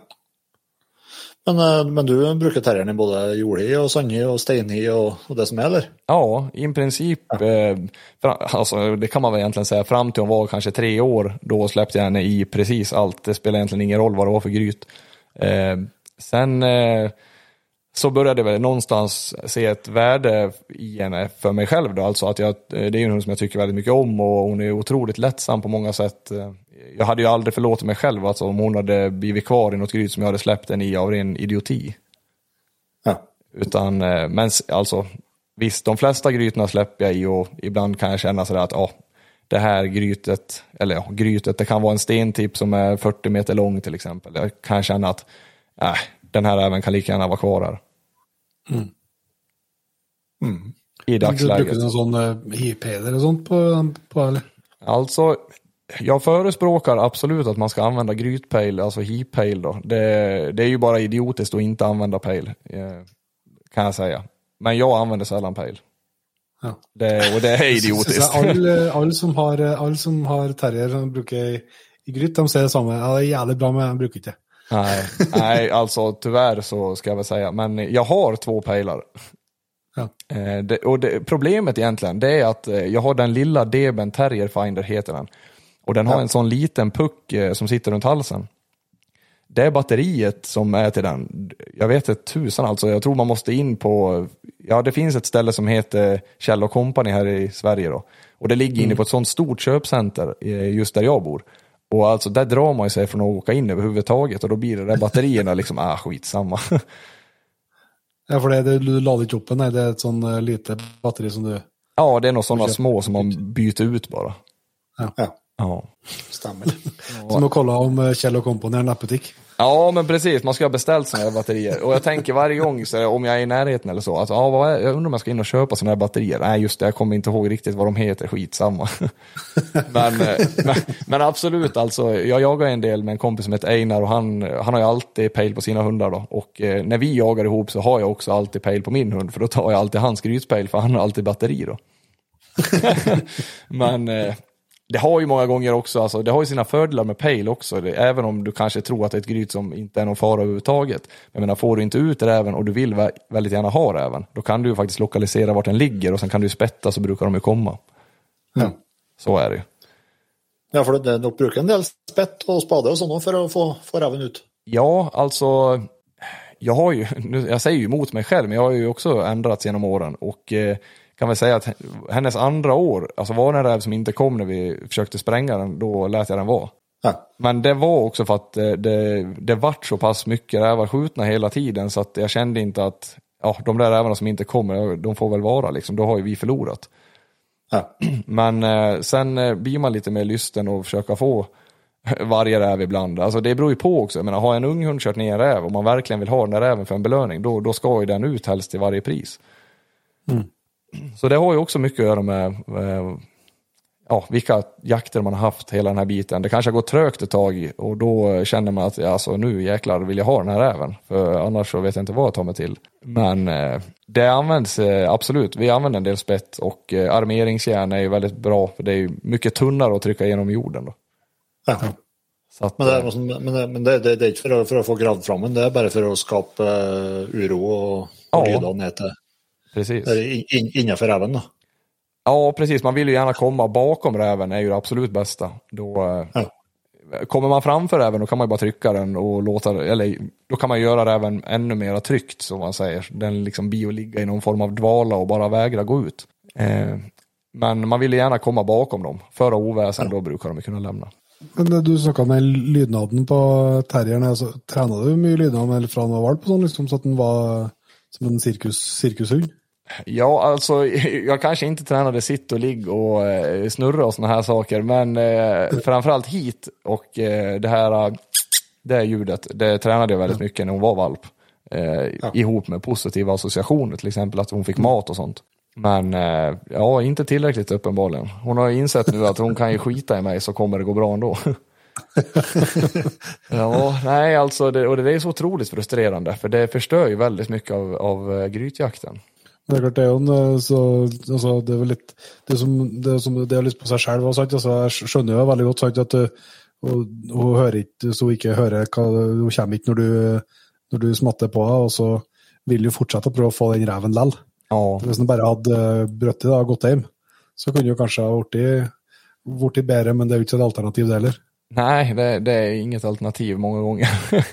Men alltså, ja, och nu, för, jag, jag, jag inbillar mig nu också att på slutet här, i år framförallt, att hon har börjat höra mycket sämre. Och, och det är klart, det har, ju, det har ju gått en och annan hagelpipa ovanför henne. Så att, eh, det är ju klart att det, det vore väl fan annars. Men eh, nej, det, det, hon har fått sä- sämre hörsel. Det märker jag ibland när jag ropar på henne i gryten också. Alltså, ibland kan jag få vråla så jag håller på att eller bli av med rösten. Så, men Ja. Du sa att du gillar helst att jaga på barmark om du kunde välja. Vad är det som eh, gör att barmarksjakten eh, det du syns är roligast? ja, alltså anledningen till att jag gillar barmarken mest det är egentligen att jag menar, det, du kommer aldrig, det blir ju ingen skada till exempel. Du kommer inte få något hinder som gör att du inte kommer kunna jaga. Det är heller aldrig för mycket snö, det är inte för kallt, möjligtvis för varmt då, men det är ju fåtal gånger när man börjar komma in i slutet på september. Då. Eh, ja, men alltså, sen de här första frostmånaderna, det är ju helt magiskt alltså. Det, Jag vet inte, jag tycker det, nu är det väl också att jag tycker att båda mina hundar jagar, eh, nu har jag han den ena valp där, men alltså jag tycker de jagar bäst på barmark också faktiskt. Eh, dreverna går bäst, eh, ofta går ju rävarna uppe lite längre också då. Ja. Eh, så att nej, jag tycker, jag, jag, det enda egentligen som jag gillar bättre med snön, det är att filmerna blir bättre. Ja. För att man ser ju rävarna bättre. Ja. Men, men i övrigt så gillar jag barmarken väldigt, väldigt mycket. Och det kräver mycket av hundarna. Och man kan inte vara där och klåpa och påverka för mycket i slagen liksom, utan det, de får göra det de ska göra. Och när man har en hund då som gör vad de ska, då, då är det ju helt fantastiskt. Liksom. Man kan släppa dem på barmark 12 på dagen och de går iväg och tar upp en räv. Det är ju, det är ju helt fantastiskt. Ja, det stiller jo, det stiller jo større, større krav til, til hund. Og, ja, du, og du som hundfører må jo stole mer på hund òg. Eh, vad sa du nu? Stol? Eller, ja, altså, det, det, det kreves jo mer av, av støvelen. ja, Eh, og, og du som hundfører må jo Lita. li, li, lite mer på, på støvelen òg. ja, men precis. Absolut. Ja. Det, det måste man absolut göra. Det, de får ju köra helt sitt eget race. Jag menar, jagar de, de, de kommer ju jaga där de vill jaga helt enkelt. Men eh, när man har väl har kommit dit, liksom, när hunden väljer själv att den vill verkligen jaga räv eller sådär. Du, har inga, du vet att den jagar inga klövvilt. Det är ju, det är ju, den känslan är ju helt magisk. Man vet liksom att blir det upptag, ja då är det antingen räv då, eller katt, eller ja visst, det, för min del, nu kan det ju även vara hare då. Eh, men det, nej, det är jäkligt roligt faktiskt. Men slipper du, slipper du mye på, altså på det er rett og slett 100 frisøk? Altså at du ikke har hatt noe bilde av en rev eller eh, noe som helst? Ja, alltså bilder på räv, det har jag otroligt sällan måste jag säga. Faktiskt. Det är ju kanske en gång i månaden. Ja. Men eh, alltså många gånger kanske man släpper runt en slaktplats. Alltså framförallt om... Eh, jo, men jag släpper ofta runt slaktplatser. Och sen jag menar, har man jagat på en mark under, har man jagat på en mark under lång tid eller sådär, då vet man ju många gånger ungefär vart brukar man kunna ha spår på vintern. Ja. ja. Man vet ju ungefär vilka områden de brukar kunna röra sig. Man vet ju också vart rävarna brukar kunna ligga lite i vilka branter och sådär. Men, eh, men alltså jag går ju aldrig med några, jag släpper ju mina hundar. Sen sitter jag kvar på den platsen där jag släppte och sen är jag där tills det är upptag. Ja. Ja. Och det, så jagar jag med dem från att de är valpar och det är ju för att jag vill ha ett sök på dem. Ja. Men når du jager når det er snø, da du har perfekte, perfekte snøforhold, og ja, jager du mest, jager dem på frisøk da, eller, eller slipper du dem rett i, i spår? Nej, det, utan då släpper jag dem på spår såklart. Ja. Men, du vil ha igång jakten? Ja, det är klart jag vill ha igång jakten. Och nu har jag den valmöjligheten också att jag menar, har jag, vi säger att klockan är 8-9 på morgonen och det har blivit ljust, då släpper jag Walter i ett spår. Och jag menar, har jag ett fint spår då vet jag att han kommer ta upp den räven till, alla, alltså det kommer han göra. Men, eh, men däremot så skulle jag inte släppa Eskil där och då, utan då väljer jag istället, då kanske jag väntar till 12 med att släppa han eller ett. Och jag vet att jag hade det där spåret vid 6 på morgonen, då vet jag att det är minst 6 timmar gammalt. Och så kanske jag släpper han det där då. Men slipper du da han sånn at, sånn at han skal finne tak i det sporet? Kan jo at du, sle- at du slipper han eh, 300 meter ifrån sporet, så at han skal finne, finne tak i det sporet sjøl? Nej, utan jag har ju faktiskt, eh, då har jag faktiskt eh, gått med han och släppt han direkt i spåret. Ja. Har jag gjort. Jag har inte släppt han långt ifrån det spåret på något vis. Så, utan, eh, och det har väl också att göra med att jag jag vill inte sulla ner marken för mycket med en jäkla massa spår om han skulle dra på något annat. Nej. Utan har jag väl snö så då går jag ju till det spåret och visar. Och det är ju också en anledning till det. Det är ju att jag menar, då kommer jag på ett rävspår, jag kommer med han på ett rävspår och jag kan berömma han på, på det här rävspåret. Jag menar, då får jag den präglingen att ja men det här vi ska ta, bra killen, bra killen. Då kan han gå iväg i det fast han kanske tycker att det luktar dåligt för att jag vill ju att han ska göra det. Ja. Så att, eh, nej, det, det har ju sina orsaker. Jag, tycker det har blivit, att det blir mer och mer så att man försöker göra saker hela tiden av en anledning. Ehm, och att man tänker på sikt. Alltså, och anledningen till att jag aldrig egentligen släpper på några, om man skulle se en räv eller så här, det är ju att det skulle ju inte ge mig någonting egentligen. Och det ger ju absolut inte hundar någonting om jag menar släpper på en räv som jag ser, som de driver i fem minuter till ett gryt. Alltså det, de här hundarna har ju inte lärt sig någonting av det överhuvudtaget. Men har jag då en hund som är dålig att ta slag och så släpper jag den på en synop, så allting jag gör egentligen gör jag ju så att det kommer bara bli sämre. Ja. Eh, så att eh, det skulle ju vara som att skjuta mig själv i knäna. Jag menar, om jag åker ut med mina hundar, om jag, det målet man har någonstans och visionen, det är att jag ska kunna åka ut och släppa dem vid 12 på dagen och det ska kunna stå rådjur överallt, älgar, rå, harar, hela, allting liksom. Och sen ska de gå slaviskt i sitt rävspår. Eh, gör de inte det så då, då avviker de ifrån det här som jag vill att de ska kunna bli någon gång i framtiden. Och jag är ju en idiot om jag skulle börja mo motgå det själv också och släppa dem kanske på synobsar hela tiden. Ja. ja da, da kan du ikke få den opplevelsen senere. Eller? Nej, precis. Och eh, Sen vill jag inte heller, jag menar om, om jag åker och släpper hunden på en synobs och sen går den i gryt eh, ja, men 500 meter ner eh, och sen skjuter jag den efter kanske två minuters grytjakt. Jag menar, jag kan, jag kan inte säga heller att jag tycker att det är speciellt roligt för att eh, det är ju mer tur att jag såg den räven. Alltså det är ju det som gjorde att vi sköt, där, sköt den här räven. Ja. Det, det var ju tur. Och jag vill inte, det ska ju inte handla om tur, det ska ju handla om att jag menar jag och mina hundar, vi ska kunna åka ut och jaga och vi ska kunna överlista räven. Det är därför vi ska vinna och kunna få en räv. Det är det det handlar om. Ja. Och det är då det blir en eh, ja, fantastisk liksom, lycka och känsla. Det är då man får adrenalinpumpet och hela det här som man är ute efter. Veldig godt poeng. För jag menar, det är ju, alltså det där, där är det ett stort problem. Då är det många som väldigt gärna vill kunna lägga ut en bild på Instagram då till exempel. Och det är ju väldigt många då som, som vill kunna göra en film och det är hela den här biten. Och ja, men då skämde man ju sina hundar egentligen för det. Ja, ja absolutt. Och Men, eh, men eh, jeg har jo fått med meg at eh, det er ikke bare, det er ikke bare at de går i gryt åt, eh, åt det. De, eh, det er litt riksvegrävar og forskjellig òg. Ja, fy fan alltså. Den här, det här året har varit Det här året har varit helt sjukt alltså. Eh, ja, fy fasen för de som springer ut på riksvägen. Jag har ju kopplat hundarna säkert 30 gånger ute på den här vägen i år. Eh, och sen till slut så kände jag ju bara så här, fan vad gött. Jag fick skjuta den här räven som alltid springer ner på riksvägen. Och det var ju en som jag sköt som gjorde så. Men sen var det ytterligare en räv som också skulle ut på det. Och det visade sig, förmodligen så har det varit en kull nere i, i, på riks, eller ja, i närheten av den här riksvägen, fast på andra sidan mot vad jag jagar. De rävarna går ju liksom upp mot, ja, jag har en åtel upp några kilometer på skogen. Går de upp på den här åten och sen håller de sig i de bergen. Men när det blir drev så ska de hem. Och hem, det är uppenbarligen på typ 500 olika ställen ut på riksvägen. För vart jag än står så är det fel. Men eh, jag har skjutit en till som där är som alltid sprang ner på riksvägen och nu sköt jag ju bom på en eh, i ena grytan som också, så den fick vi i nästa gryta. Men jag skulle bli förvånad om inte nästa drev går rakspåren ner på riksvägen om man säger så. Just, på det, på, just på den platsen i alla fall. Sen har jag ju andra marker, andra områden på marken där det inte är i närheten av någon riksväg. Men det är ofta mycket folk ute och jagar. Det är harjägare, rådjursjägare, folk som jagar älg, vildsvin, hela den här biten. Och framförallt när jag släpper valpen, det är samma där, alltså med han då. Återigen så tänker jag liksom att jag vill ogärna släppa han i närheten av andra hundar som kanske driver eller andra hundar som springer på skall. Jag vill ju liksom inte utsätta han för att få ens ett val att jag kan lämna det här slaget för att jag ska springa på den här hunden som driver alldeles bredvid mig.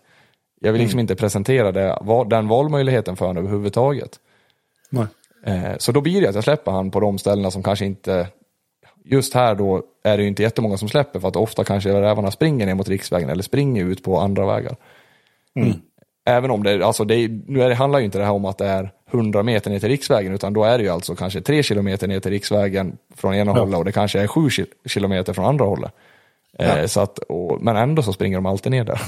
Ja, det, så er det, og spesielt hvis man er ensom, så er det Man blir tokig av det. Ja, man blir ju det. Och det, det känns ju för, det, alltså det, det känns för jävligt alltså.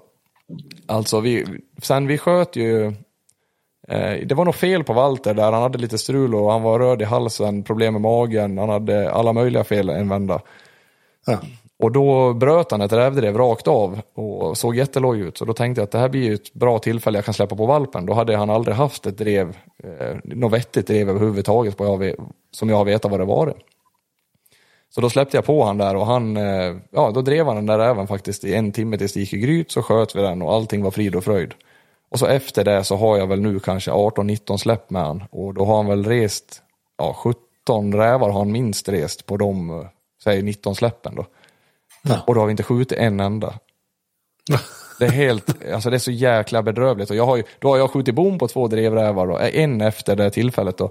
Sen eh, hade, vad heter han, en kompis skjutit bom på en drevräv han gjort också, nu på slutet. Då.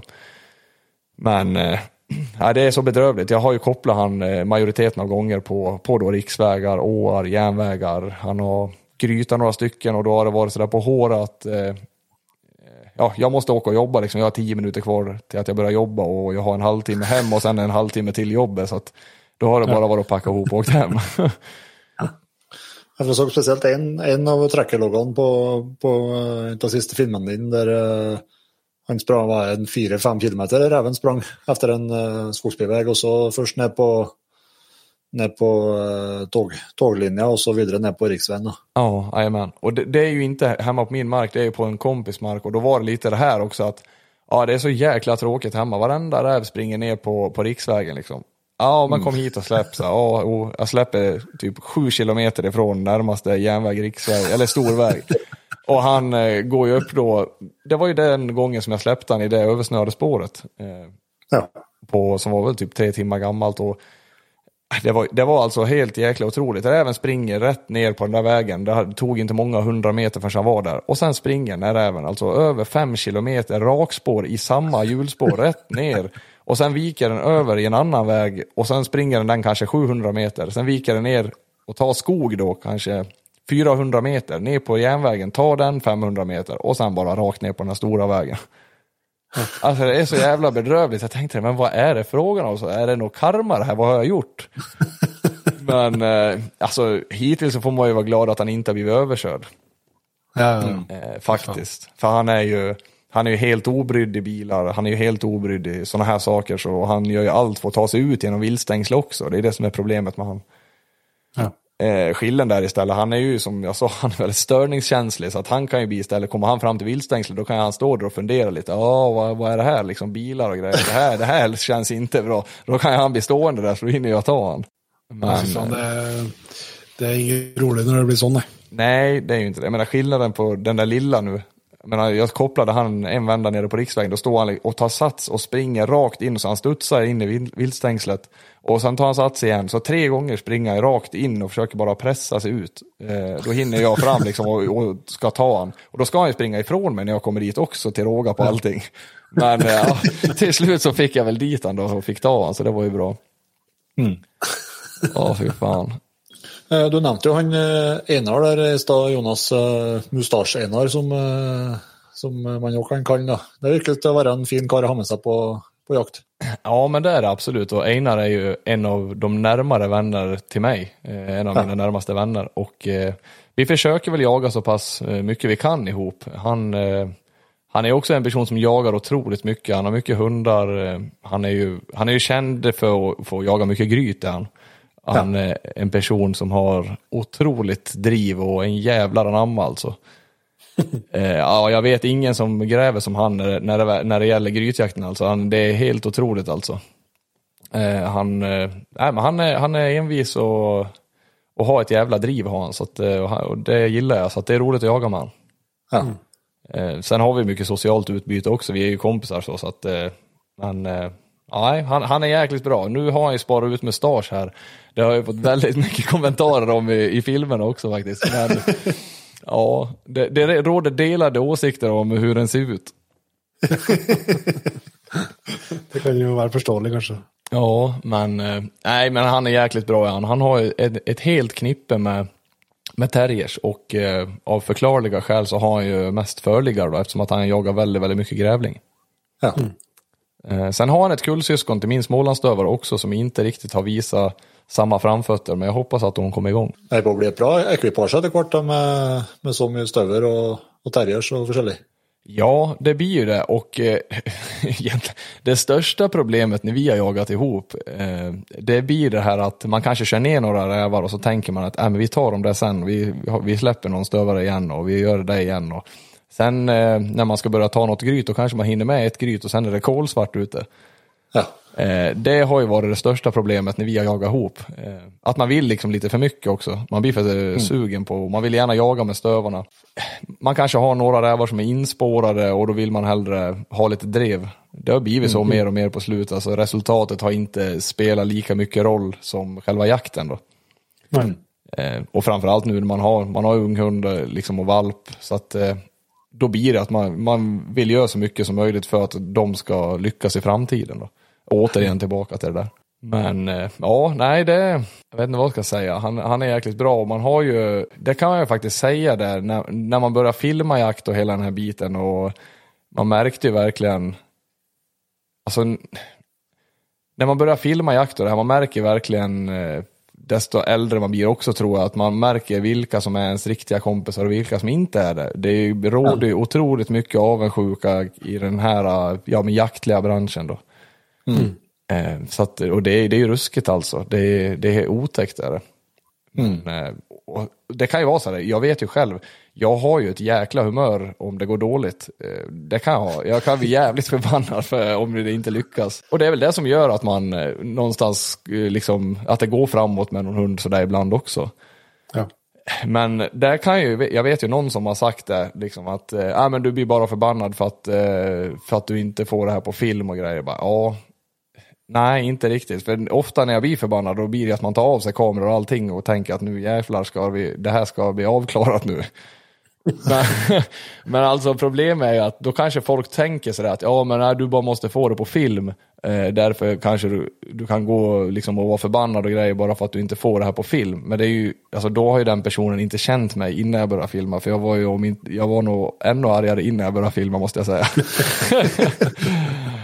Faktiskt, men eh, ja, det, det var blandade orsaker av det också. Men nej, det, det, det är otroligt det där. Man märker verkligen vilka som är ens riktiga vänner och då, jag känner att man drar ner liksom på umgängeskretsen väldigt mycket. eh, Och det har ju att göra med att ja, man umgås med sina vänner helt enkelt och jagar inte så mycket med de andra. Där, akkurat där är du in på ett, på ett tema som är för lite belyst. Ja, det, det håller jag med om. Det, det är faktiskt så. Att eh, man, man kan också se liksom ens kompisar som, som man tror är ens kompisar, fast eh, så får man liksom en kniv i ryggen eller att de liksom nästan, ja nej men det, det är helt otroligt vad man, jag tycker varje år liksom tror man man har sett allt kring det där, men det blir bara värre. Och det är ju också en stor anledning till det här med, liksom, jag jagar ju ingen björn överhuvudtaget eh, egentligen. Nu hade jag ju tur att få skjuta björn två år i rad när jag var med, med kompisar sådär, men, men alltså det, det är för mycket avundsjuka och för mycket, ja, sen är det också för mycket folk i skogen många gånger. Jag tycker inte det är roligt att jaga med, med 20-30 personer. Jag tycker inte alls om den typen av jakt. eh, Jag vill gärna jaga, sen vill jag gärna jaga mina egna hundar, men åker jag på björnjakt i, i en vecka, ja, det, tar, det tar då alltså 5-7 dagar av min jakt med mina egna hundar. Och det tycker jag inte att det är värt. Jävla björnarna, de kostar ju multum att ta hand om också. Man blir ruinerad. Hva, men du, du snakka om det litt i innledninga med filmer og sånt, og var innom det, men hvordan, hvorfor, hvorfor starta du å filme jakta? Liksom, hvordan kom det i gang for dine? Ja, hur det kom igång egentligen, det var att eh, bara på, på eh, att det var roligt så köpte jag en sån där actionkamera av en händelse när jag körde lite cross förut. Så köpte jag en actionkamera för att filma lite sånt. Och så tänkte jag att ja, men fan, jag såg att det fanns någon fästen till den där, men det kanske jag kan sätta på bössan. Eh, sen efter något år så då, jag hade ju den där kameran med mig på varje jakt i princip. Och till slut så hade man ju då 20, 30, 40 skottsekvenser på 10 sekunder och inget mer. Och så hade jag någon tanke, va, det här kanske man ska prova att redigera ihop. Och det var ju inte så lätt och det var inte jättestimulerande att se en sån film heller. Pang, pang, pang, pang.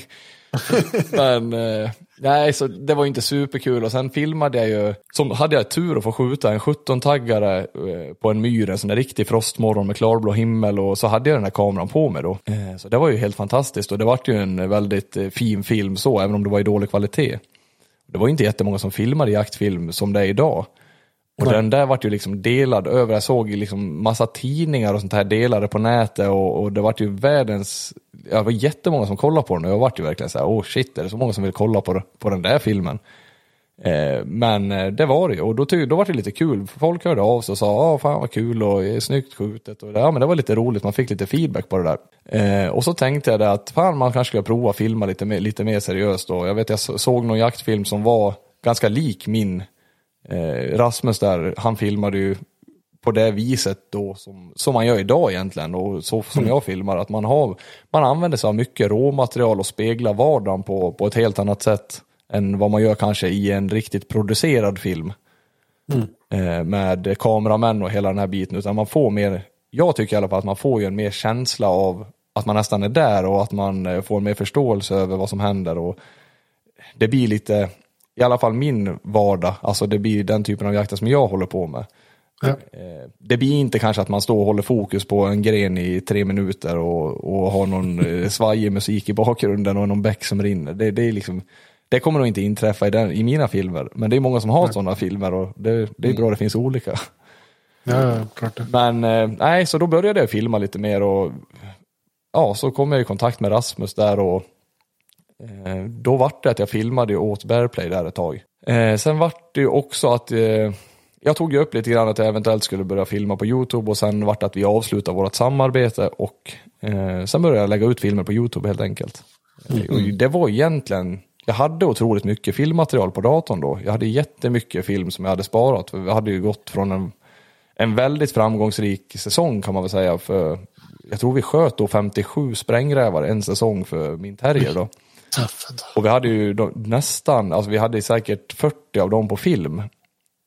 Eh, ihop med berättelser och stövare och så här. Så jag tänkte att fan det här jäkla jakterna, det, det måste man ju göra av. Jag kan inte bara kasta det, det ju, känns ju onödigt. Så då la jag det, började lägga lite filmer på YouTube och eh, vart väldigt, väldigt förvånad över hur många det var som kollade. Eh, jag trodde ju verkligen inte det. Jag tänkte att, ja men alltså, jag, jag tänkte någonstans, alltså är det någonstans mellan 100 och 1000 personer som kollar på de här filmerna så hade jag varit nöjd, för det var ju bara det som jag höll på med. Och när man ligger bakom en betalsida sådär som på Bearplay, då, ja, då är det ju de som är där som, som hör av sig och säger liksom att ja ah, men fan vad kul, det var bra och så här. Men sen, sen blir det ganska lugnt. När man börjar lägga det på YouTube då, alltså då, eh, det kunde ju komma in 50, 60, 70, 80 ko- folk som skrev liksom varje vecka. Det var ju helt, alltså det var ju roligt såklart, det var jättekul att, att få allt det här. Men samtidigt så ville jag sitta och svara allihop och man, det var ju bara kaos till slut. Vad fan, det blir ju ett heltidsjobb att sitta och svara på allt det här liksom, tänkte jag. Det, det, hur fan, det här går inte ihop.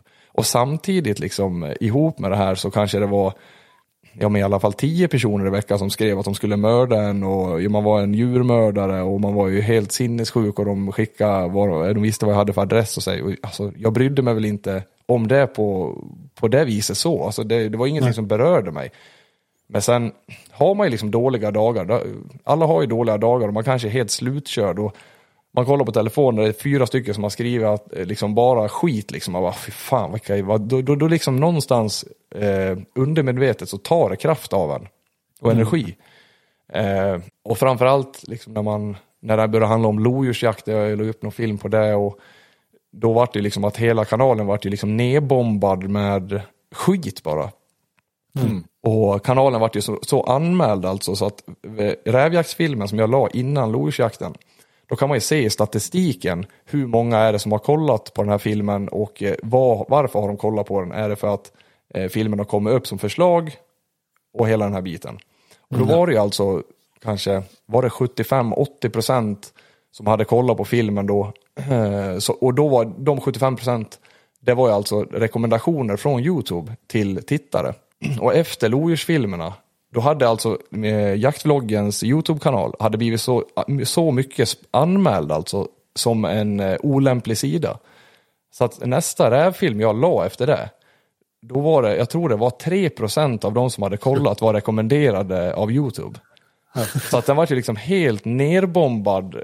Och, eh, ja, så jag tänkte det att ja, ja, det var väl skitsamma liksom. Ja, det, var, det var väl vad det var sådär. Det var väl tråkigt men ja, ja, det var som det var. Sen eh, så kände jag väl någonstans också att det var ju så mycket folk som hörde av sig hela tiden och ville liksom, när kommer nästa film och när kommer nästa film? Och det är ju såklart kul för att då, då uppskattar ju folk det man gör. Men samtidigt så bygger det någonstans en inre stress att fan jag ska hinna, jag satt, jag kommer ihåg, jag, jag, jag menar jag har hundar, jag har ett hus, alltså allting ska skötas. Jag kommer ihåg jag liksom jobbade 06.14 Och så satt, eh, åkte jag hem direkt, så satt jag och redigerade. Så satt jag alltså och redigerade typ till 22.00, gick och la mig, gick upp, jobbade, så där rullade det liksom hela tiden. Mm. Sen när jag jobbade eftermiddag, då gick jag upp fem på morgonen, fem mellan fem och sex. Och så satt jag med och redigerade direkt. så satt jag och redigerade till kanske halv ett och så åkte jag och jobbade ett. Och sen åkte jag hem och sen sov jag och så där rullade. Höll det på ett tag och jag kände bara att ja, nu det är liksom, någonstans kommer jag gå i väggen. Det, här, det håller liksom inte i längden det här. Eh, nu, nu får jag ta ett break, jag får sluta redigera överhuvudtaget. Nu blir det ingen mer jaktfilm. Det var ju min tanke då. Men sen låg det liksom i bakhuvudet lite grann att det var många, många hade hört av sig liksom att ja men får du ut någonting av det här liksom att ja men alltså jag tycker att det är skitkul att folk tycker det är bra. Det är det jag får ut av det och det, det räcker. Alltså jag kände ju att jag måste ju någonstans gå ner lite grann i tid på jobbet om jag ska kunna fortsätta med det jag gör. Ja. Och då var det många som kommenterade och skrev till mig att fan du borde starta en streamsida och du borde göra så här och fan det är klart du ska, ja och den biten. Och då slog det mig att fan, undrar om det finns, om man ska starta någon streamsida eller något sånt där, då kanske man kan, skulle kunna ta ledigt från jobbet några dagar. Och därav kom jag ju in då på Patreon och det var ju med, i, i, av hjälp från er då också. Jag, frå, jag hade lite frågor kring det här med Patreon och det där. Och då vart det att eh, ja, jag startade jaktbloggen på Patreon istället. Och det har gått bra. Ja, det har gjort det och också till viss förvåning. Eh, det var jättemånga som gick med liksom direkt och sådär. Och, och som det är nu alltså, nu kan, nu kan jag ju ta ledigt någon dag då och då och sitta och verkligen bara redigera. Och det är ju alltså det är helt fantastiskt. Det är ju som befrielse att kunna, kunna göra det. Eh, alltså det är jag otroligt tacksam för. Eh, och det är helt, ja det är fantastiskt och nu har jag sänt alla poddarna på, på, YouTube, eller på Spotify då. Men, eh, men vi får se hur det kommer bli nu i sommar. Sommar och vår då kommer jag väl fokusera på att spela in väldigt mycket poddar. Och eh, kommer det väl bli någon jaktfilm också såklart. Det blir väl någon spannmålsfilm och så här. Det, det blir väl det jag bedriver i jaktform helt enkelt. Och sen kommer det komma någon rävjaktsfilm då och då också för jag har ganska mycket material då. Eh, så att nej, så så ser det väl ut och det kommer väl komma någon podd, eh, någon sån eh, endast Patreon-podd också, annars så har jag väl för avsikt att kunna fortsätta sända en del poddar på Spotify i alla fall. Og da er det jaktvloggen som er navnet på podden. Ja, det är jaktvloggen podcast heter den då, så det är ju fantastiskt fantasifullt när jag ska starta den. Men eh, jo, nej, så det, och, nej, det, är, det är jäkligt kul att spela in poddar. Det är roligt att vara med i en podd så här också, men, men jag tycker att det är mycket enklare, som vi pratade om tidigare också, det är väldigt mycket enklare att spela in en podd tycker jag. Eh, då kan man förbereda sig på ett annat vis, man vet vad podden kommer att handla om också. Ja. Eh, men... Og så enklere å ta på svensk, kanskje. Ja, men det också. Nu, nu har jag, tycker jag ändå att jag har förstått ganska mycket av det vi har pratat om. Men, men eh, ja, jag var jäkligt nervös för att sitta och prata med två norskar faktiskt. Ja, det har gått eh, veldig, veldig bra. Jeg har i hvert fall uh, kosa meg veldig med Først har det kommet med veldig mye gode tips og, og tanker og refleksjoner. Og så hadde vel en god feeling på at du var ganske dedikert revejeger før vi spilte inn podkast, men eh, det inntrykket har blitt enda sterkere her. Ja, det, det blir väl faktiskt så att man, eh, man jagar en hel del räv så då, man är lite halvt analys, analytisk som person också så att eh, jag försöker liksom hela tiden att och förbättra det man gör och, och komma liksom till, till fler avslut egentligen och lyckas oftare. Det är väl det man försöker. Och då är det roligt att kunna dela med sig av det och sen om det är rätt eller fel, det, det som jag påstår och tänker, det är ju bara mina erfarenheter. Men eh, Jonas, vi, eh, vi skal begynne å, å runde av, eh, vi òg. Men eh, vi har, noen, eh, vi har en litt sånn fast avslutning på episodene våre. Vi har noen faste spørsmål. litt sånn, Der må vi jo få med deg òg. Har du noen stor jaktdrøm som du ikke har opplevd ennå? Ja, faktiskt så har jag, jag har två stora jaktdrömmar och eh, en av dem har jag nog faktiskt inte tagit upp. Jag har samma fråga i min podd faktiskt och då brukar jag kunna bolla min egen dröm också. Men jag har alltid sagt det att kaninjakt eh, med iller, alltså det, det är en stor dröm jag har. Och, eh, alltså fy fasen vad det skulle vara kul. Eh, Det er premiere på Jaktrom i Jegerpodden. Ja, alltså det, det, jag känner bara det att stå där och det är så likt grytjakt också. Jag känner bara att det skulle vara så jäkla roligt.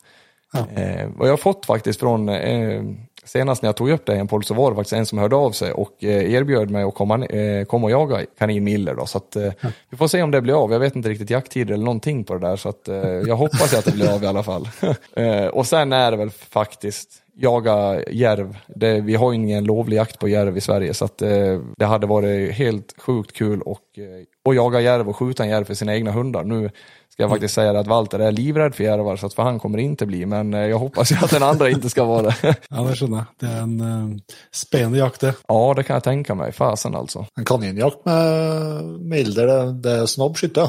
Ja, det, det är bra det. Det är, det är så jäkla roligt. Svårt skytte, det är ju kul alltså. Och det är ju samma där, när man väl träffar, det är ju roligt. Og så har vi fått veldig mye tips på et jakt og hunder her, men eh, hvis du skal trekke fram det du syns er det beste jakttips du kan da, Jonas? Ja, ja, vad ska jag ta då? då? Jag tror nog i alla fall i det, i alla fall i den eh, typen av jaktkategori som jag bedriver, alltså rävjakt med stövar och terrier, då tror jag nog att det bästa tipset är att ta det lugnt. Inte, stre- inte stressa för mycket med hundarna. Det tror jag är i alla fall det bästa tipset jag har fått. En liten sak kring det där, det är ju att eh, jag lyssnade på en tjej som heter Anna Pamuk, eh, som är från Fjällveterinären, och jag hoppas att jag uppfattat det här rätt också, så, så att jag inte sitter och säger helt fel. Men eh, hon menar ju på det också, att vi är ju så pass Många jägare är ju så pass drivna och vill ju så himla mycket då. Eh, Och då blir det att man kanske har en ung hund som man är ute och nöter otroligt mycket och där pratar man ju om det här också med kvantitet framför kvalitet i släpp. Eh, då kanske man är ute och nöter med den här hunden och det blir fel och det blir fel för att den är kanske inte mogen för uppgiften. Och så då automatiskt blir du förbannad och man blir less och man blir matt och då i samband med att man jagar med hunden så är man arg och förbannad och det där ger ju väldigt mycket stress. Alltså det kan ju ge, bygga en otrolig stress i hundarna. Och eh, hon menar ju då på att det kan vara en anledning till eh, stora delar av det här eh, halsinfektioner och sånt. Att man bygger mycket magsyra då i hundarna. Eh, och sen får de halsinfektion helt enkelt. Så att eh, ta det lugnt tror jag på. Det är väl en tidigare gäst i Jägerbonden? det? Til gjest. Um, stemmer det. Og så jaktutstyr, da. Jeg vet ikke, du har noen uh, aldeles fortreffelige fuglmøsser, men uh, jaktutstyret som du er ekstra glad i, som du kan tipse videre om? Nej, tack, faktiskt inte. Jag tycker inte, att det, jag tycker inte att det finns några bra jaktkläder överhuvudtaget eh, på marknaden idag, måste jag säga. Eh, Om jag ska vara helt ärlig. Ja, alltså jag tycker att det är, det är väldigt, väldigt dålig kvalitet på det mesta och eh, sen är de inte, väldigt mycket kläder är ju inte anpassade för, för att jaga på det viset som, eh, som jag gör i alla fall. Det är mo- mycket kläder som låter mycket, de ska vara så jäkla snygga och det gör ingenting, men de ska vara funktionella också och, kan, och sen ska de inte kosta 15 000 heller. Eh, det, däremot så, ja förresten, för tusan. Jag köpte ett par eh, byxor från Revolution Race. De heter High Ball tror jag. Det är de skönaste byxorna jag haft i hela mitt liv. De är så jäkla sköna. De är, ja, de är inte 100% vattentäta, men de är ganska vattentäta och så är de varma och lite fodrade. Det, de är sjukt bra är de. Så jag kör ju mycket friluftskläder när jag jagar. Men om någon eh, tillverkare av kläder här lyssnar så eh, tillverka en eh, vändbar, liksom lite fleecejacka med membran i så att den är vattentät och sen ha huva på den. För att alltså, vi som är ute och rör oss lite grann ibland i upplega vill gärna ha en huva. Man eh, blir ju galen av att ha all den här, denna snö i nacken varje gång man är ute. Ja. Fy fan alltså. Jag svor mig upp för ett berg här för ja, en månad sedan. Jag var, hela jäkla ryggen var full i snö och så går man med en jävla jacka utan, utan huva. Fy fan alltså. Ja, nej, så att det, det får de gärna tillverka. Då hade jag köpt den direkt. De får den kosta vad den vill också. Yes, eh, vi brukar ju avslutte hver eh, Du har jo kommet med masse historier allerede, Jonas, men vi brukar ju avslutte eh, hver podkast med jakthistorie. Ja, jag kan ta den historien som var faktiskt från, eh, från förra året på lodjursjakten när vi hade barmark. Ja. Eh, då, vi hade varit ute några dagar och, och prova och egentligen inte varit jätteframgångsrika. På premiären tror jag att det var. Då eh, jag gick och bandade med Walter då. Eh, eller om det var dagen efter premiären kanske. Hur som helst då så går han och tar upp jag gick och bandade ett område som det bruk, han brukar ha fått upp katt några gånger i per år. Så jag gick och bandade det området och tänkte att jag skulle kunna känna i linan när jag hade någonting. Eh, vart väl inget jättedrag eller så, men sen släpper jag han på vinst och förlust och han far iväg då och tar upp någonting så vi står ju där, det vart inga växkall, ingenting, det vart bara ett rått upptag. Och eh, ja, då kommer det ju en svensk hare till mig som jag kopplar han på.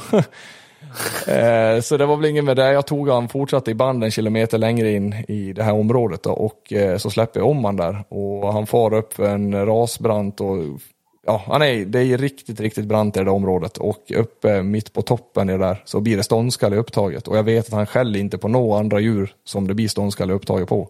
Så jag förstod att det var katt. Eh, och det jävliga i det här, det var att det, jag springer ju för livet när det går ner för det här området, för jag försöker ju genskjuta då. Men eh, lyckas inte, utan jag kommer fram till han som har då en tappt visar det sig. Det ligger vindfällor överallt och det är stenar som är allt mellan, eh, ja, som en snusdosa till en folkvagnsbuss. Eh, ligger liksom huller om buller överallt där och då, jag trodde faktiskt att den här katten hade grytat, för att det har grytats på just det området, eller just den platsen någon gång förut.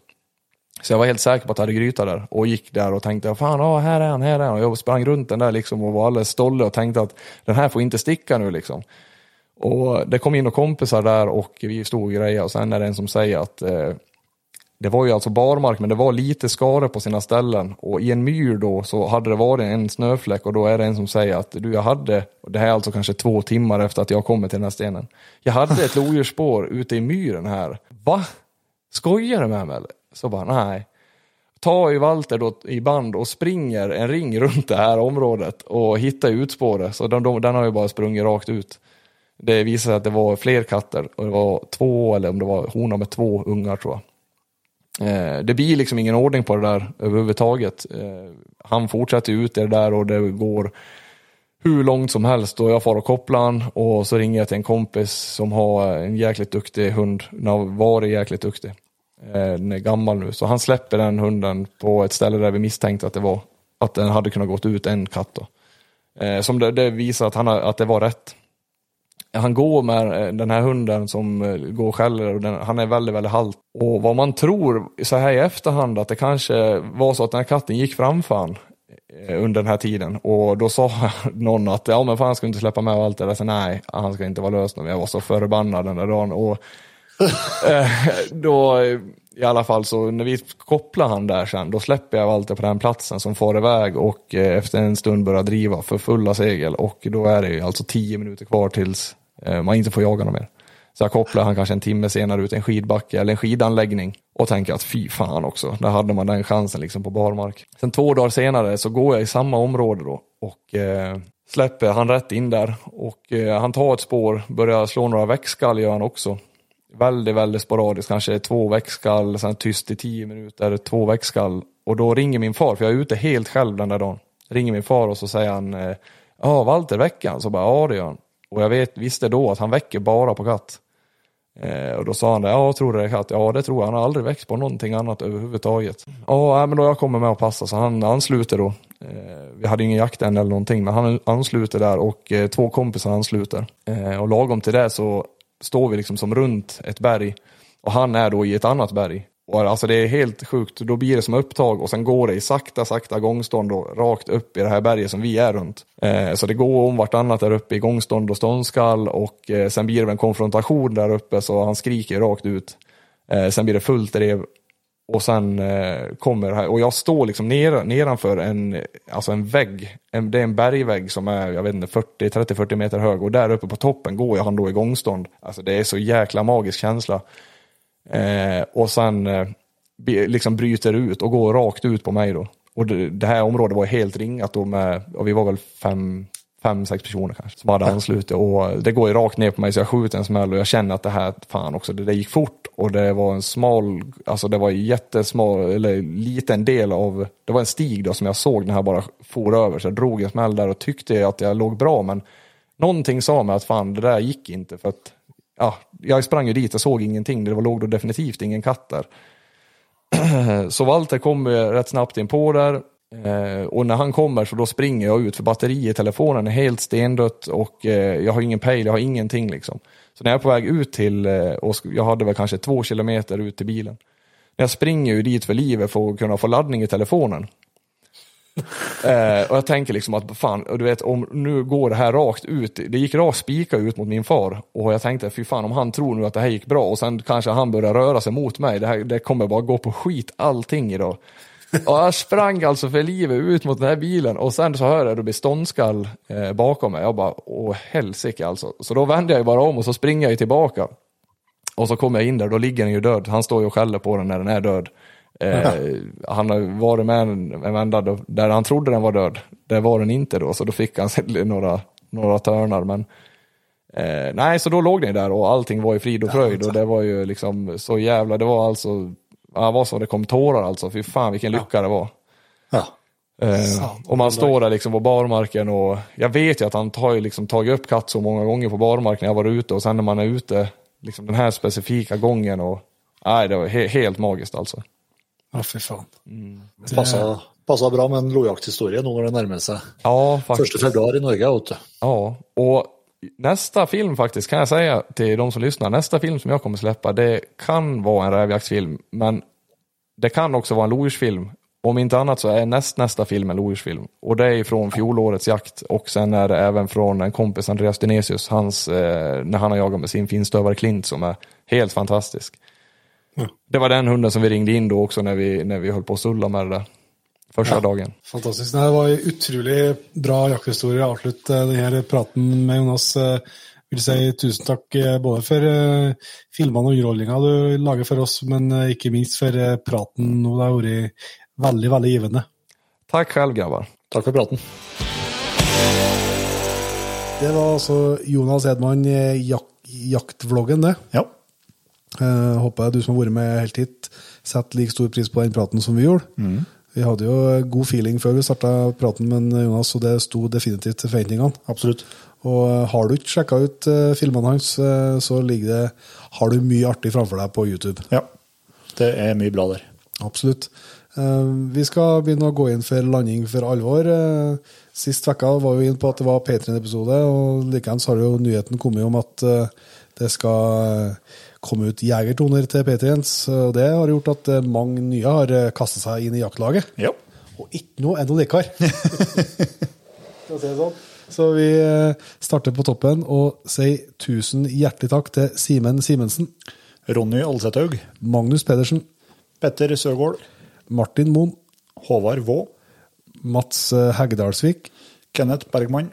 Markus Birkeland Jensen, Niklas Fjellhaug Løfrot.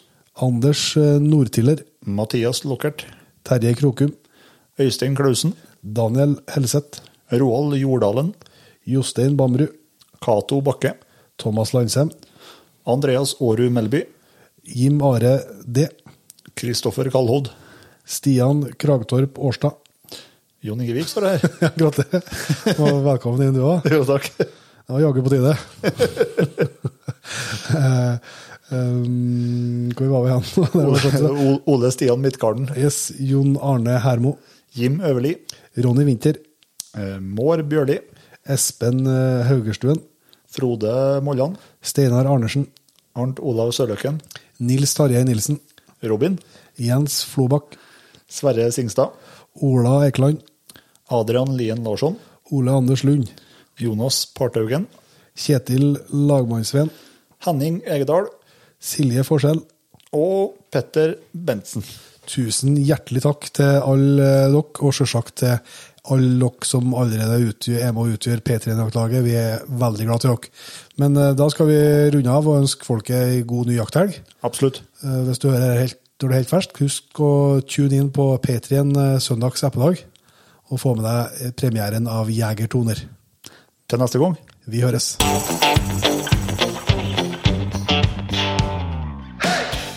Tusen hjertelig takk for at du valgte å bruke litt av tida di på Jegerpodden. Sjekk ut jegerpodden.no eller eh, din favorittpodkastspiller for enda mer innhold og flere episoder. Følg òg Jegerpodden på Facebook og Instagram, og ikke minst, husk å fortelle alle gode venner, familie og tilfeldige forbipasserende om Jegerpodden, sånn at vi får spredd det glade budskap videre. Vi høres.